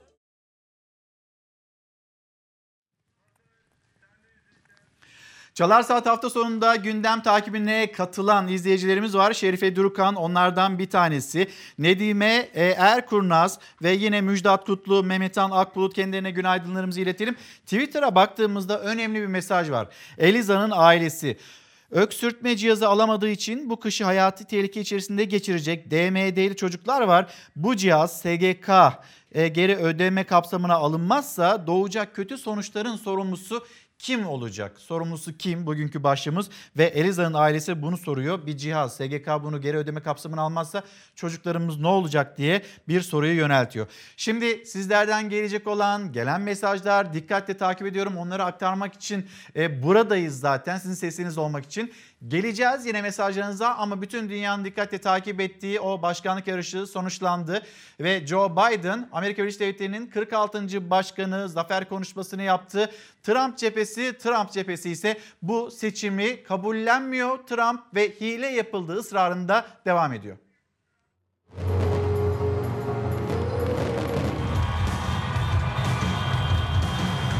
The people of this nation have spoken.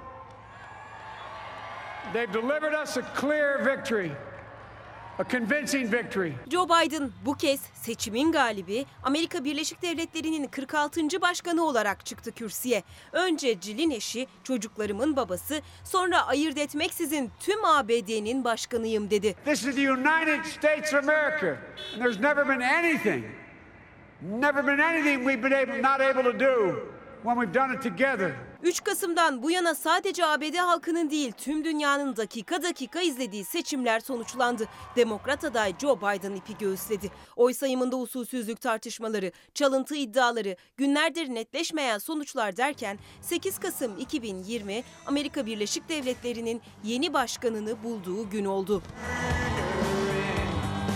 Delaware kentinde yaptı zafer konuşmasını Biden. Amerika'nın iyileşme dönemi geliyor dedi. Haysiyeti geri getirme, demokrasiyi koruma savaşı, herkese adil bir şans verme savaşı dedi. Of the whole people Orta sınıfı güçlendirme, ekonomiyi düzeltmenin öncelikli hedefleri olacağını vurguladı.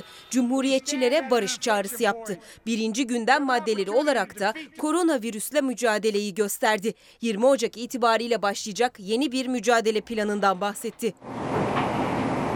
Konuşmanın sonunda ailesi, eşi, çocukları ve torunları da sahnedeydi Biden'ın. Bir öğretmen olan eşi Jill Biden'ın Beyaz Saray'da çok iyi bir First Lady olacağını söyledi. Bütün ailem olmasa burada olmazdım dedi.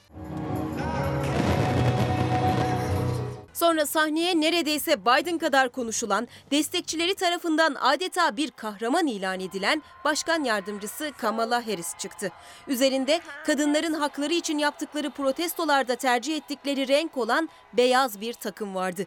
Ülkenin ilk Asya kökenli ve kadın başkan yardımcısı olarak ülkede yeni bir dönemin başlamasının simgesi oldu. and about the generations of women, black women, Gün içinde Harris'in Biden'ı arayarak kazandıklarını haber verdiği görüntü ise sosyal medyada en çok paylaşılan videolardan biri oldu. Trump ise o sırada Virginia'da sahibi olduğu bir golf kulübünde golf oynuyordu. Yenilgi haberlerinin ardından Beyaz Saray'a döndü. Avukatları mücadelemizi sürdüreceğiz, pazartesi çok sayıda dava açacağız dese de bu iddiaların kendi partisinden destek görmediği de biliniyor.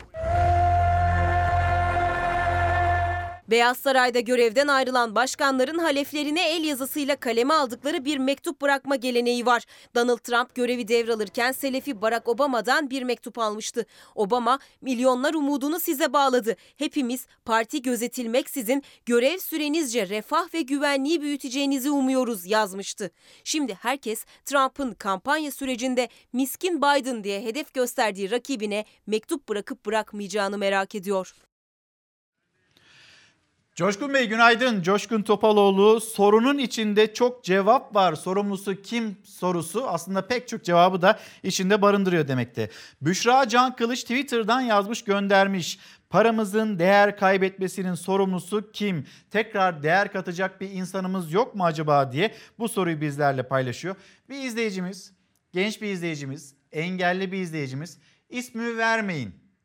Biz engelli bakanlığı istiyoruz. Engellilerle yakından ilgilenecek bir bakanlık istiyoruz demekte. Aslında isminin verilmesinde hiçbir beis yok ama yine de vermeyelim. Tamam. Şimdi Şeref Bey göndermiş. Sorumlusu ben olmadığım kesin. Bir de emeklilikte yaşa takılanlardan bahsedebilir misiniz? Bize yönelik haksızlıklar devam ediyor. Devam edelim gazeteler. Gazetelerden seçtiğimiz haberleri de tamamlayalım. Ankara Belediye Başkanı yavaştan parsel parsel suç duyurusu. Başkan Mansur Yavaş'ın talimatıyla 10 müfettiş imarla ilgili 101 dosyayı inceledi. 65'inden haksız kazanç çıktı. 26 imar dosyasının FETÖ bağlantılı şirketlerle ilgili olduğu belirtildi. Önceki dönemin yetkilileri ve şirketler için suç duyurusunda bulunuldu. İmar yoluyla FETÖ'ye sistemli şekilde kaynak sağlandığı ileri sürüldü. Saygı Öztürk'ün, Saygı abinin haberi Geçmiş yıllara döndüğümüzde Bülent Arınç ve, yine e, o dönemin belediye başkanı Ankara Büyükşehir Belediye Başkanı Melik Gökçek arasında e, yaşanan tartışma Ankara'yı parsel parsel nasıl sattığınızı herkes biliyor demişti e, Bülent Arınç Melik Gökçek'e yönelik. Bir Gün Gazetesi, Bir Gün Gazetesi'nden seçtiğimiz haber Milletin Bakanlığı'nın deprem planı bile yok. Eğitim reformu girişimi güvenlik, topluluk ve kurumsal açıdan eğitim ortamlarını inceledi. Eğitim ortamları raporuna göre Milli Eğitim Bakanlığı'nın deprem tehdidine yönelik hiçbir planlanan faaliyeti bulunmuyor. Lise kademesinde İstanbul'un en kalabalık iki ilden biri olduğu belirtilen raporda eğitim ortamları içindeki eşitsizlikler pandemi koşullarıyla birlikte bütün netliğiyle kendini gösterdi denildi. Şimdi bir gün gazetesini de tamamladıktan sonra gelelim Koronavirüsle devam edeceğiz. Hani gençler, çocuklar onları da biz bu e, kısıtlama dönemlerinde koruduk. Evden çıkmamalarını istedik. Süper bulaştırıcı olduğu yine uzmanlar tarafından söylendi. Büyüklerimize virüsün taşanmaması konusunda önemli uyarılarda e, bulunuldu. Ama 1 Haziran itibariyle her şey gitti. Toplantılar, yan yana gelmeler biz sanki eskiden olduğu gibi e, yaşayamayacağız, yaşamamalıyız denilirken o günlere geri döndük. Sağlık Bakanı Fahrettin Koca bakıyoruz bir tane asansör Fahrettin Koca dahil 9 kişi aynı asansöre biniyor. Sosyal medyaya bakıyoruz. Fahrettin Koca aman kalabalıklardan uzak durun diyor. Yani orada önder olacak, model olacak kişiler onların da dikkat etmesi gerekiyor. Bürokratların da Sayın Bakan orada diye o asansörün içine doluşmaması, kendisini gösterme çabasına girmemesi gerekiyor. Şimdi Evrensel Gazetesi manşeti merkezde tepişmeler hep vatandaşları ezer şeklinde. Yine Merkez Bankası ile ilgili ama bizim seçtiğimiz haber hem iş hem sağlık cinayeti. Denizli'de iş kazası geçiren 17 yaşındaki çocuk ildeki yoğun bakımlar dolu olduğu için kurtarılamadı. Kentte yoğun bakımlar dolu olduğu için acı bir olay yaşadıklarını belirten uzman doktor Süleyman Kaynar 17 yaşında iş kazası geçiren bir gencimiz tedavisinin yoğun bakımda yapılması gerektiği halde yer olmadığı için hayatını kaybetti dedi. Ve diyor ki gazete hem iş hem sağlık cinayeti. Semir işte hastalandı oğlumuz. Hastaneye yatırdık yaklaşık bir ay önce. Covid dedi doktorlar yani. Covid dediler. Ciğerlere verdiği zarardan dolayı benim çocuğum öldü. Seneye liseye başlayacaktı. Aşçılık okumak en büyük hayaliydi. 14 yaşındaki Semir koronavirüse yenik düştü. Kronik hastalığı vardı. Covid-19 nedeniyle hayatını kaybetti. Salgının özellikle ilk dönemlerinde bir yanlış düşünce ortaya atıldı. Çocuklara bu hastalığın bulaşmadığı, çocukların da bulaştırmadığı ve zaten çok hafif seyretti, ölümde olmadığı şeklinde. Fakat geçen zaman içerisinde anladık ki bu tamamen yanlış. Özellikle kronik hastalığı olan e, çocuklarda e, son derece ağır seyredebiliyor ve ölümle sonuçlanabiliyor. Semir makinalardan 3 saniye bile ayrılamıyordu. Astım bronşit hastasıydı Semir Şair. Bir ay önce hastaneye kaldırıldı. 23 gün hastanede entübe kaldı. Sonunda da ciğerleri koronavirüse yenik düştü. Semir'in ölümüyle çocuk ve gençlerle ilgili endişeler de yeniden doğdu. Özellikle hafif seyreden ya da belirtisiz seyreden çocuklarda e, bir ay içerisinde e, aniden bir kötüleşme ortaya çıkabiliyor. Biz salgının ilk döneminde bunu görmemiştik açıkçası. Ee, ama bu ikinci dönemde çok e, fazla sayıda vaka gördük. Sadece bizim merkezimizin son bir ay içerisinde 27 tane hastası oldu böyle. Çocuk Bunlar hasta. yoğun, evet çocuk hasta. Bunlar yoğun bakım ihtiyacı hissediyorlar. Ee, ve oldukça ağır seyrediyorlar. Çok da organ yetmezlikleri ortaya çıkıyor. Yaş grubundan çok kronik rahatsızlıklar daha tehlikeli hale getiriyor koronavirüsü.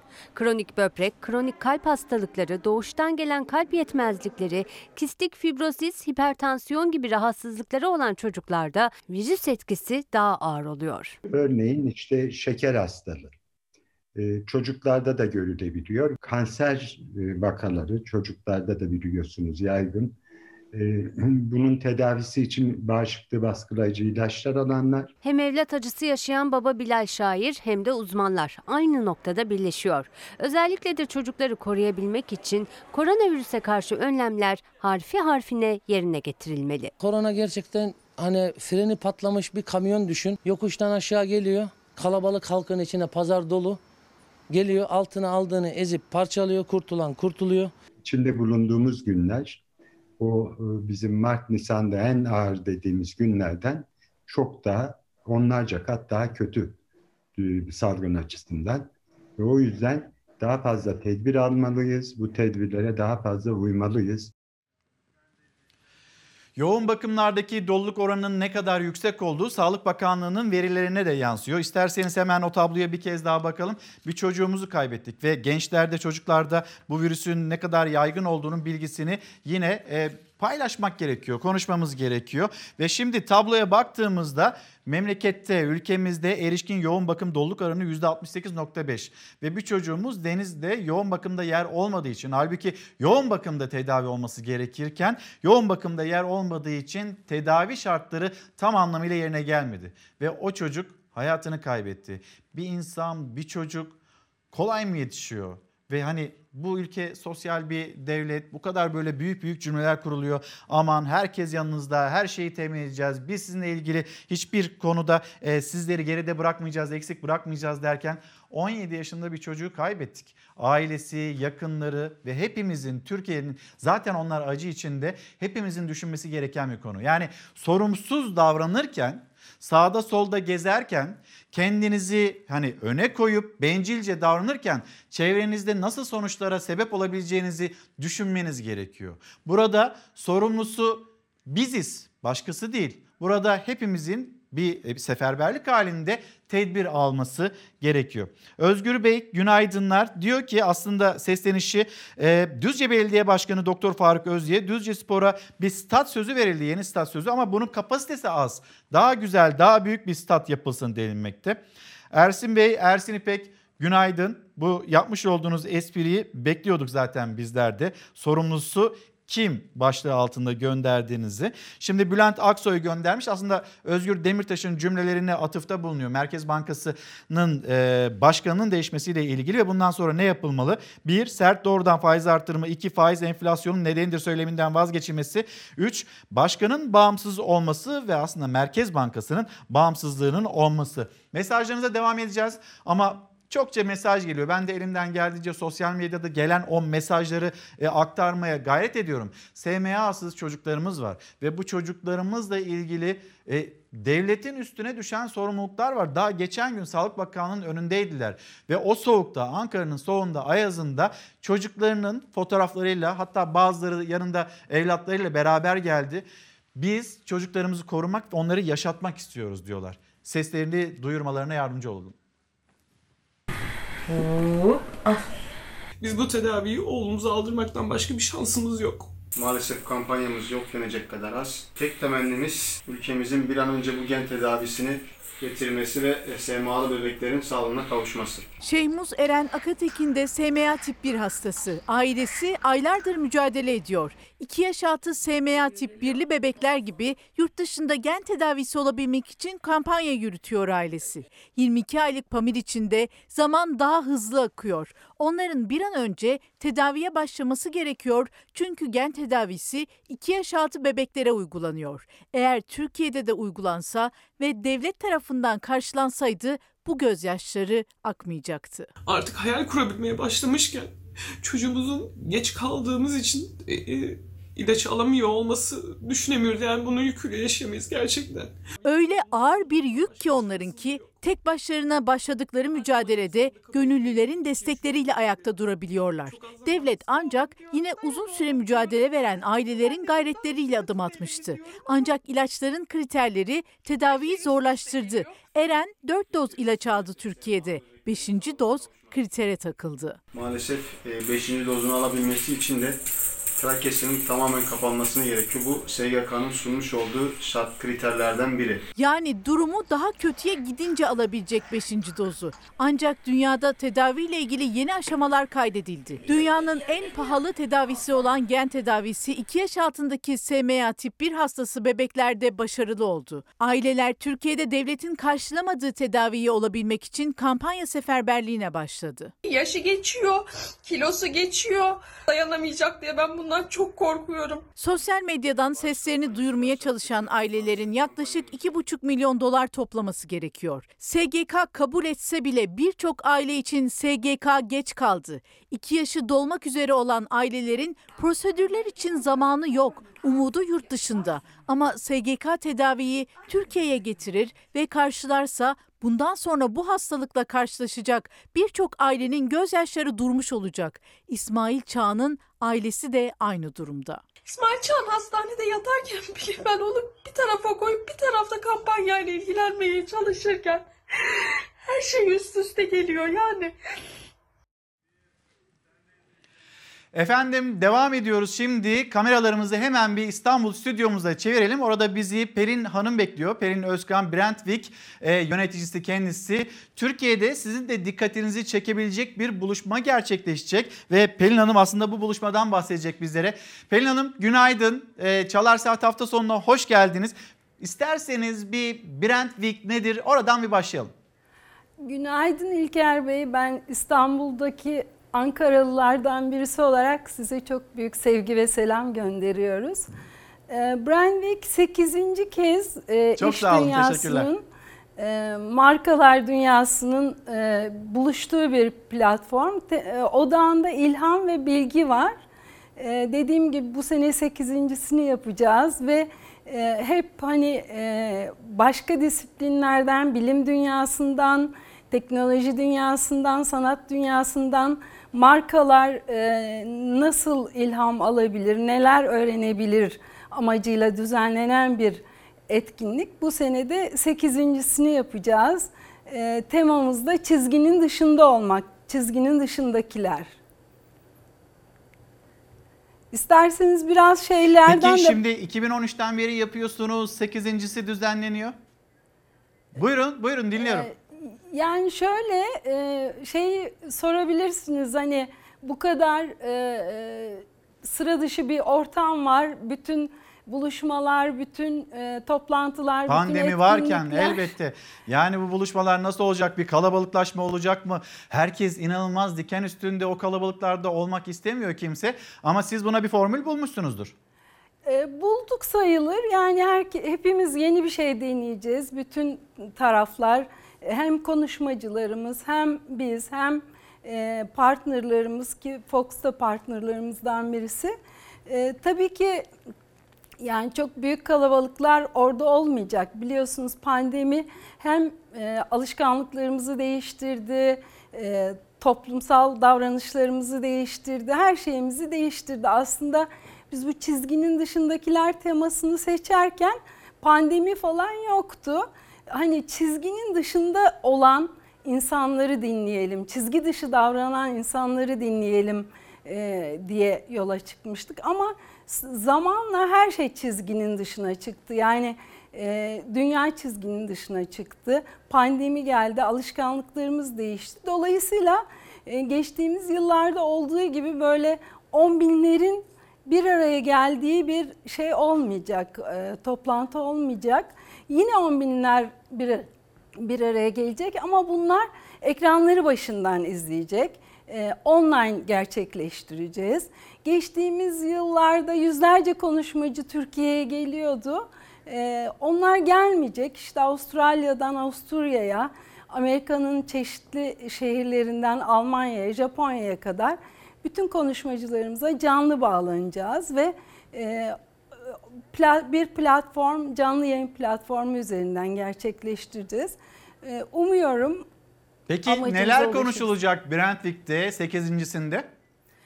E, neler konuşulacak? Şimdi biliyorsunuz pandemi çok şeyi değiştirdi.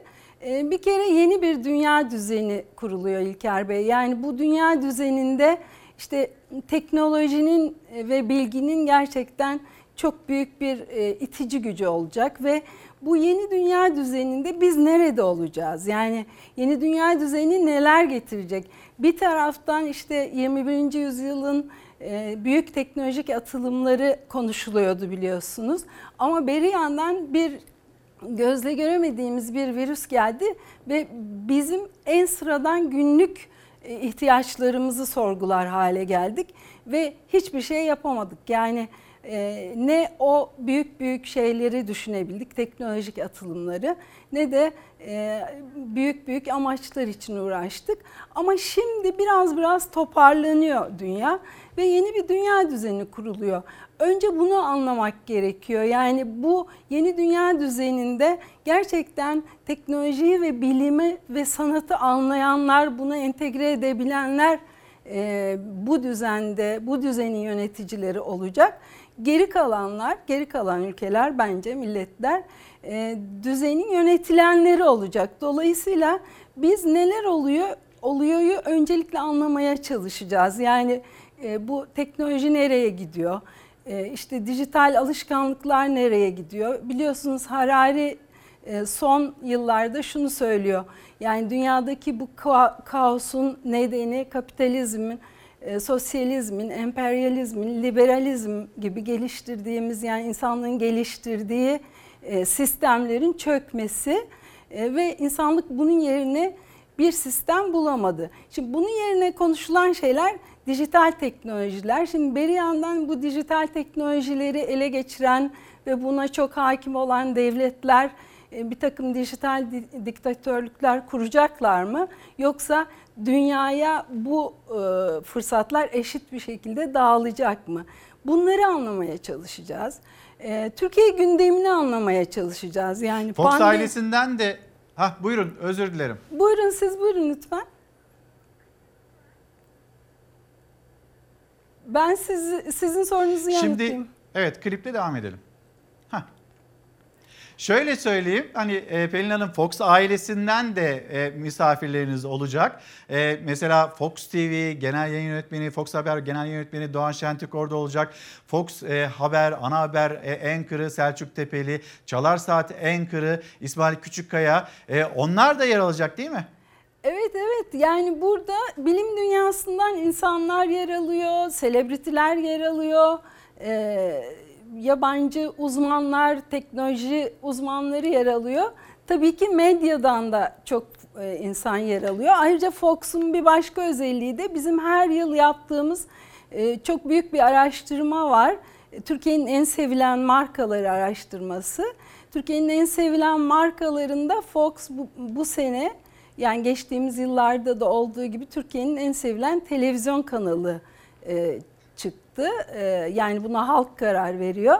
Ee, o ödülü de takdim edeceğiz. Doğan Şentürk, e, İsmail Küçükkaya ve Selçuk Tepeli de medyanın e, yeni e, hallerini konuşacaklar ve her eve girebilmek temalı bir konuşma yapacaklar. Yani nasıl oluyor da Fox bu kadar seyredilebiliyor, nasıl oluyor da her eve girebiliyor. Onu konuşacağız. Türkiye'nin gündemi bölümünde yer alacak. Biz her öğlen İlker Bey Türkiye gündemi diye bir oturumumuz var. Burada e, Türkiye pandemiden sonra e, nasıl bir ekonomik e, e, gidişatla karşı karşıya?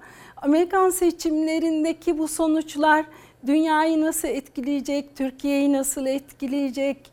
E, sosyal psikolojimiz ne hale geldi? Yani pandemi bize toplumsal olarak yeni bir takım alışkanlıklar getirdi mi? Götürdüğü alışkanlıklar neler oldu gibi çok kapsamlı e, konuşma başlıklarımız var ve konuşmacılarımız da çok enteresan. E, evet. Mesela bir tanesi Martin Kunze diye bir konuşmacımız var, bir seramik sanatçısı.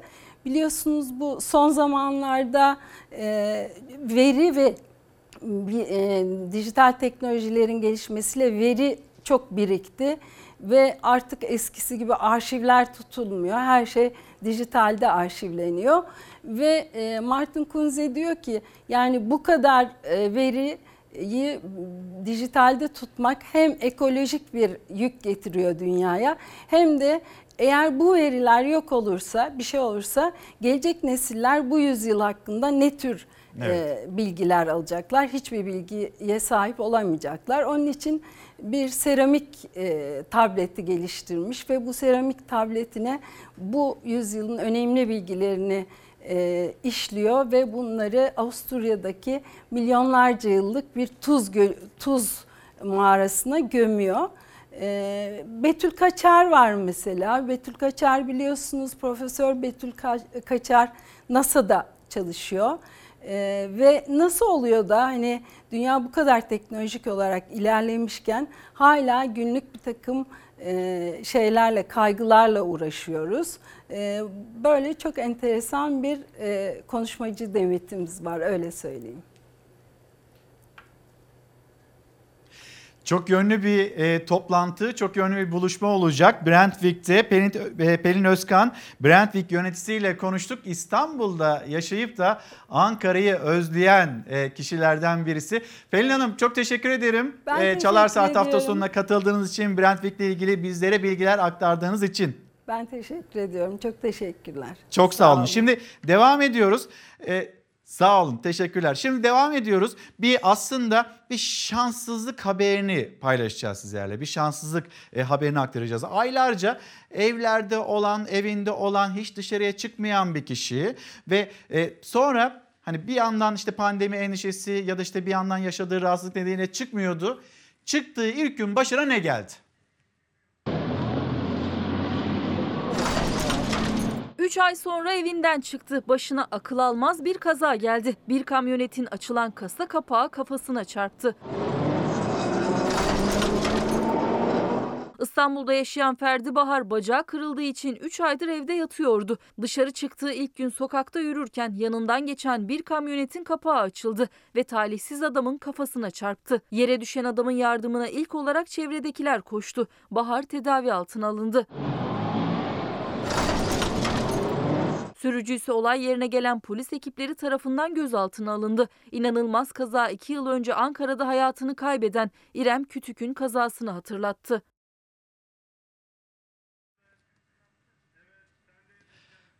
Efendim birazcık soluklanalım.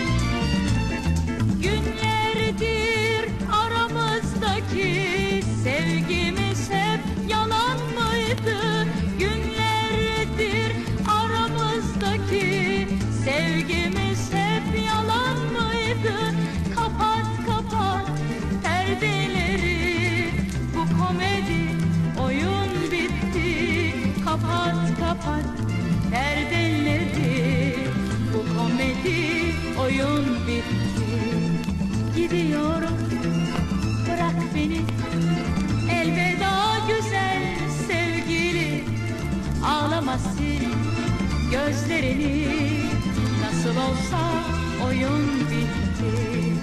Gidiyorum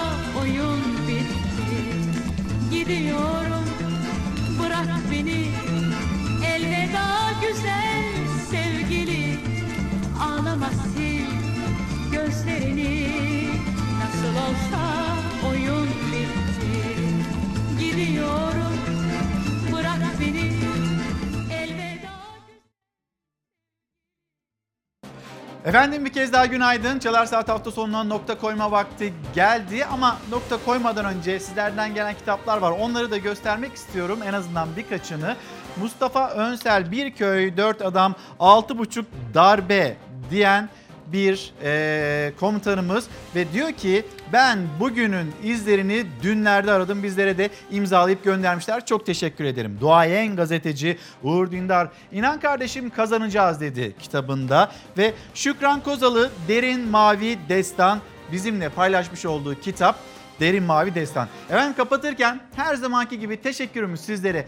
Bizi izlediğiniz için çok teşekkür ederiz. Ve eğer bir manikeder olmazsa yeni haftada beraberiz. Hoşçakalın, güzel bir gün olsun.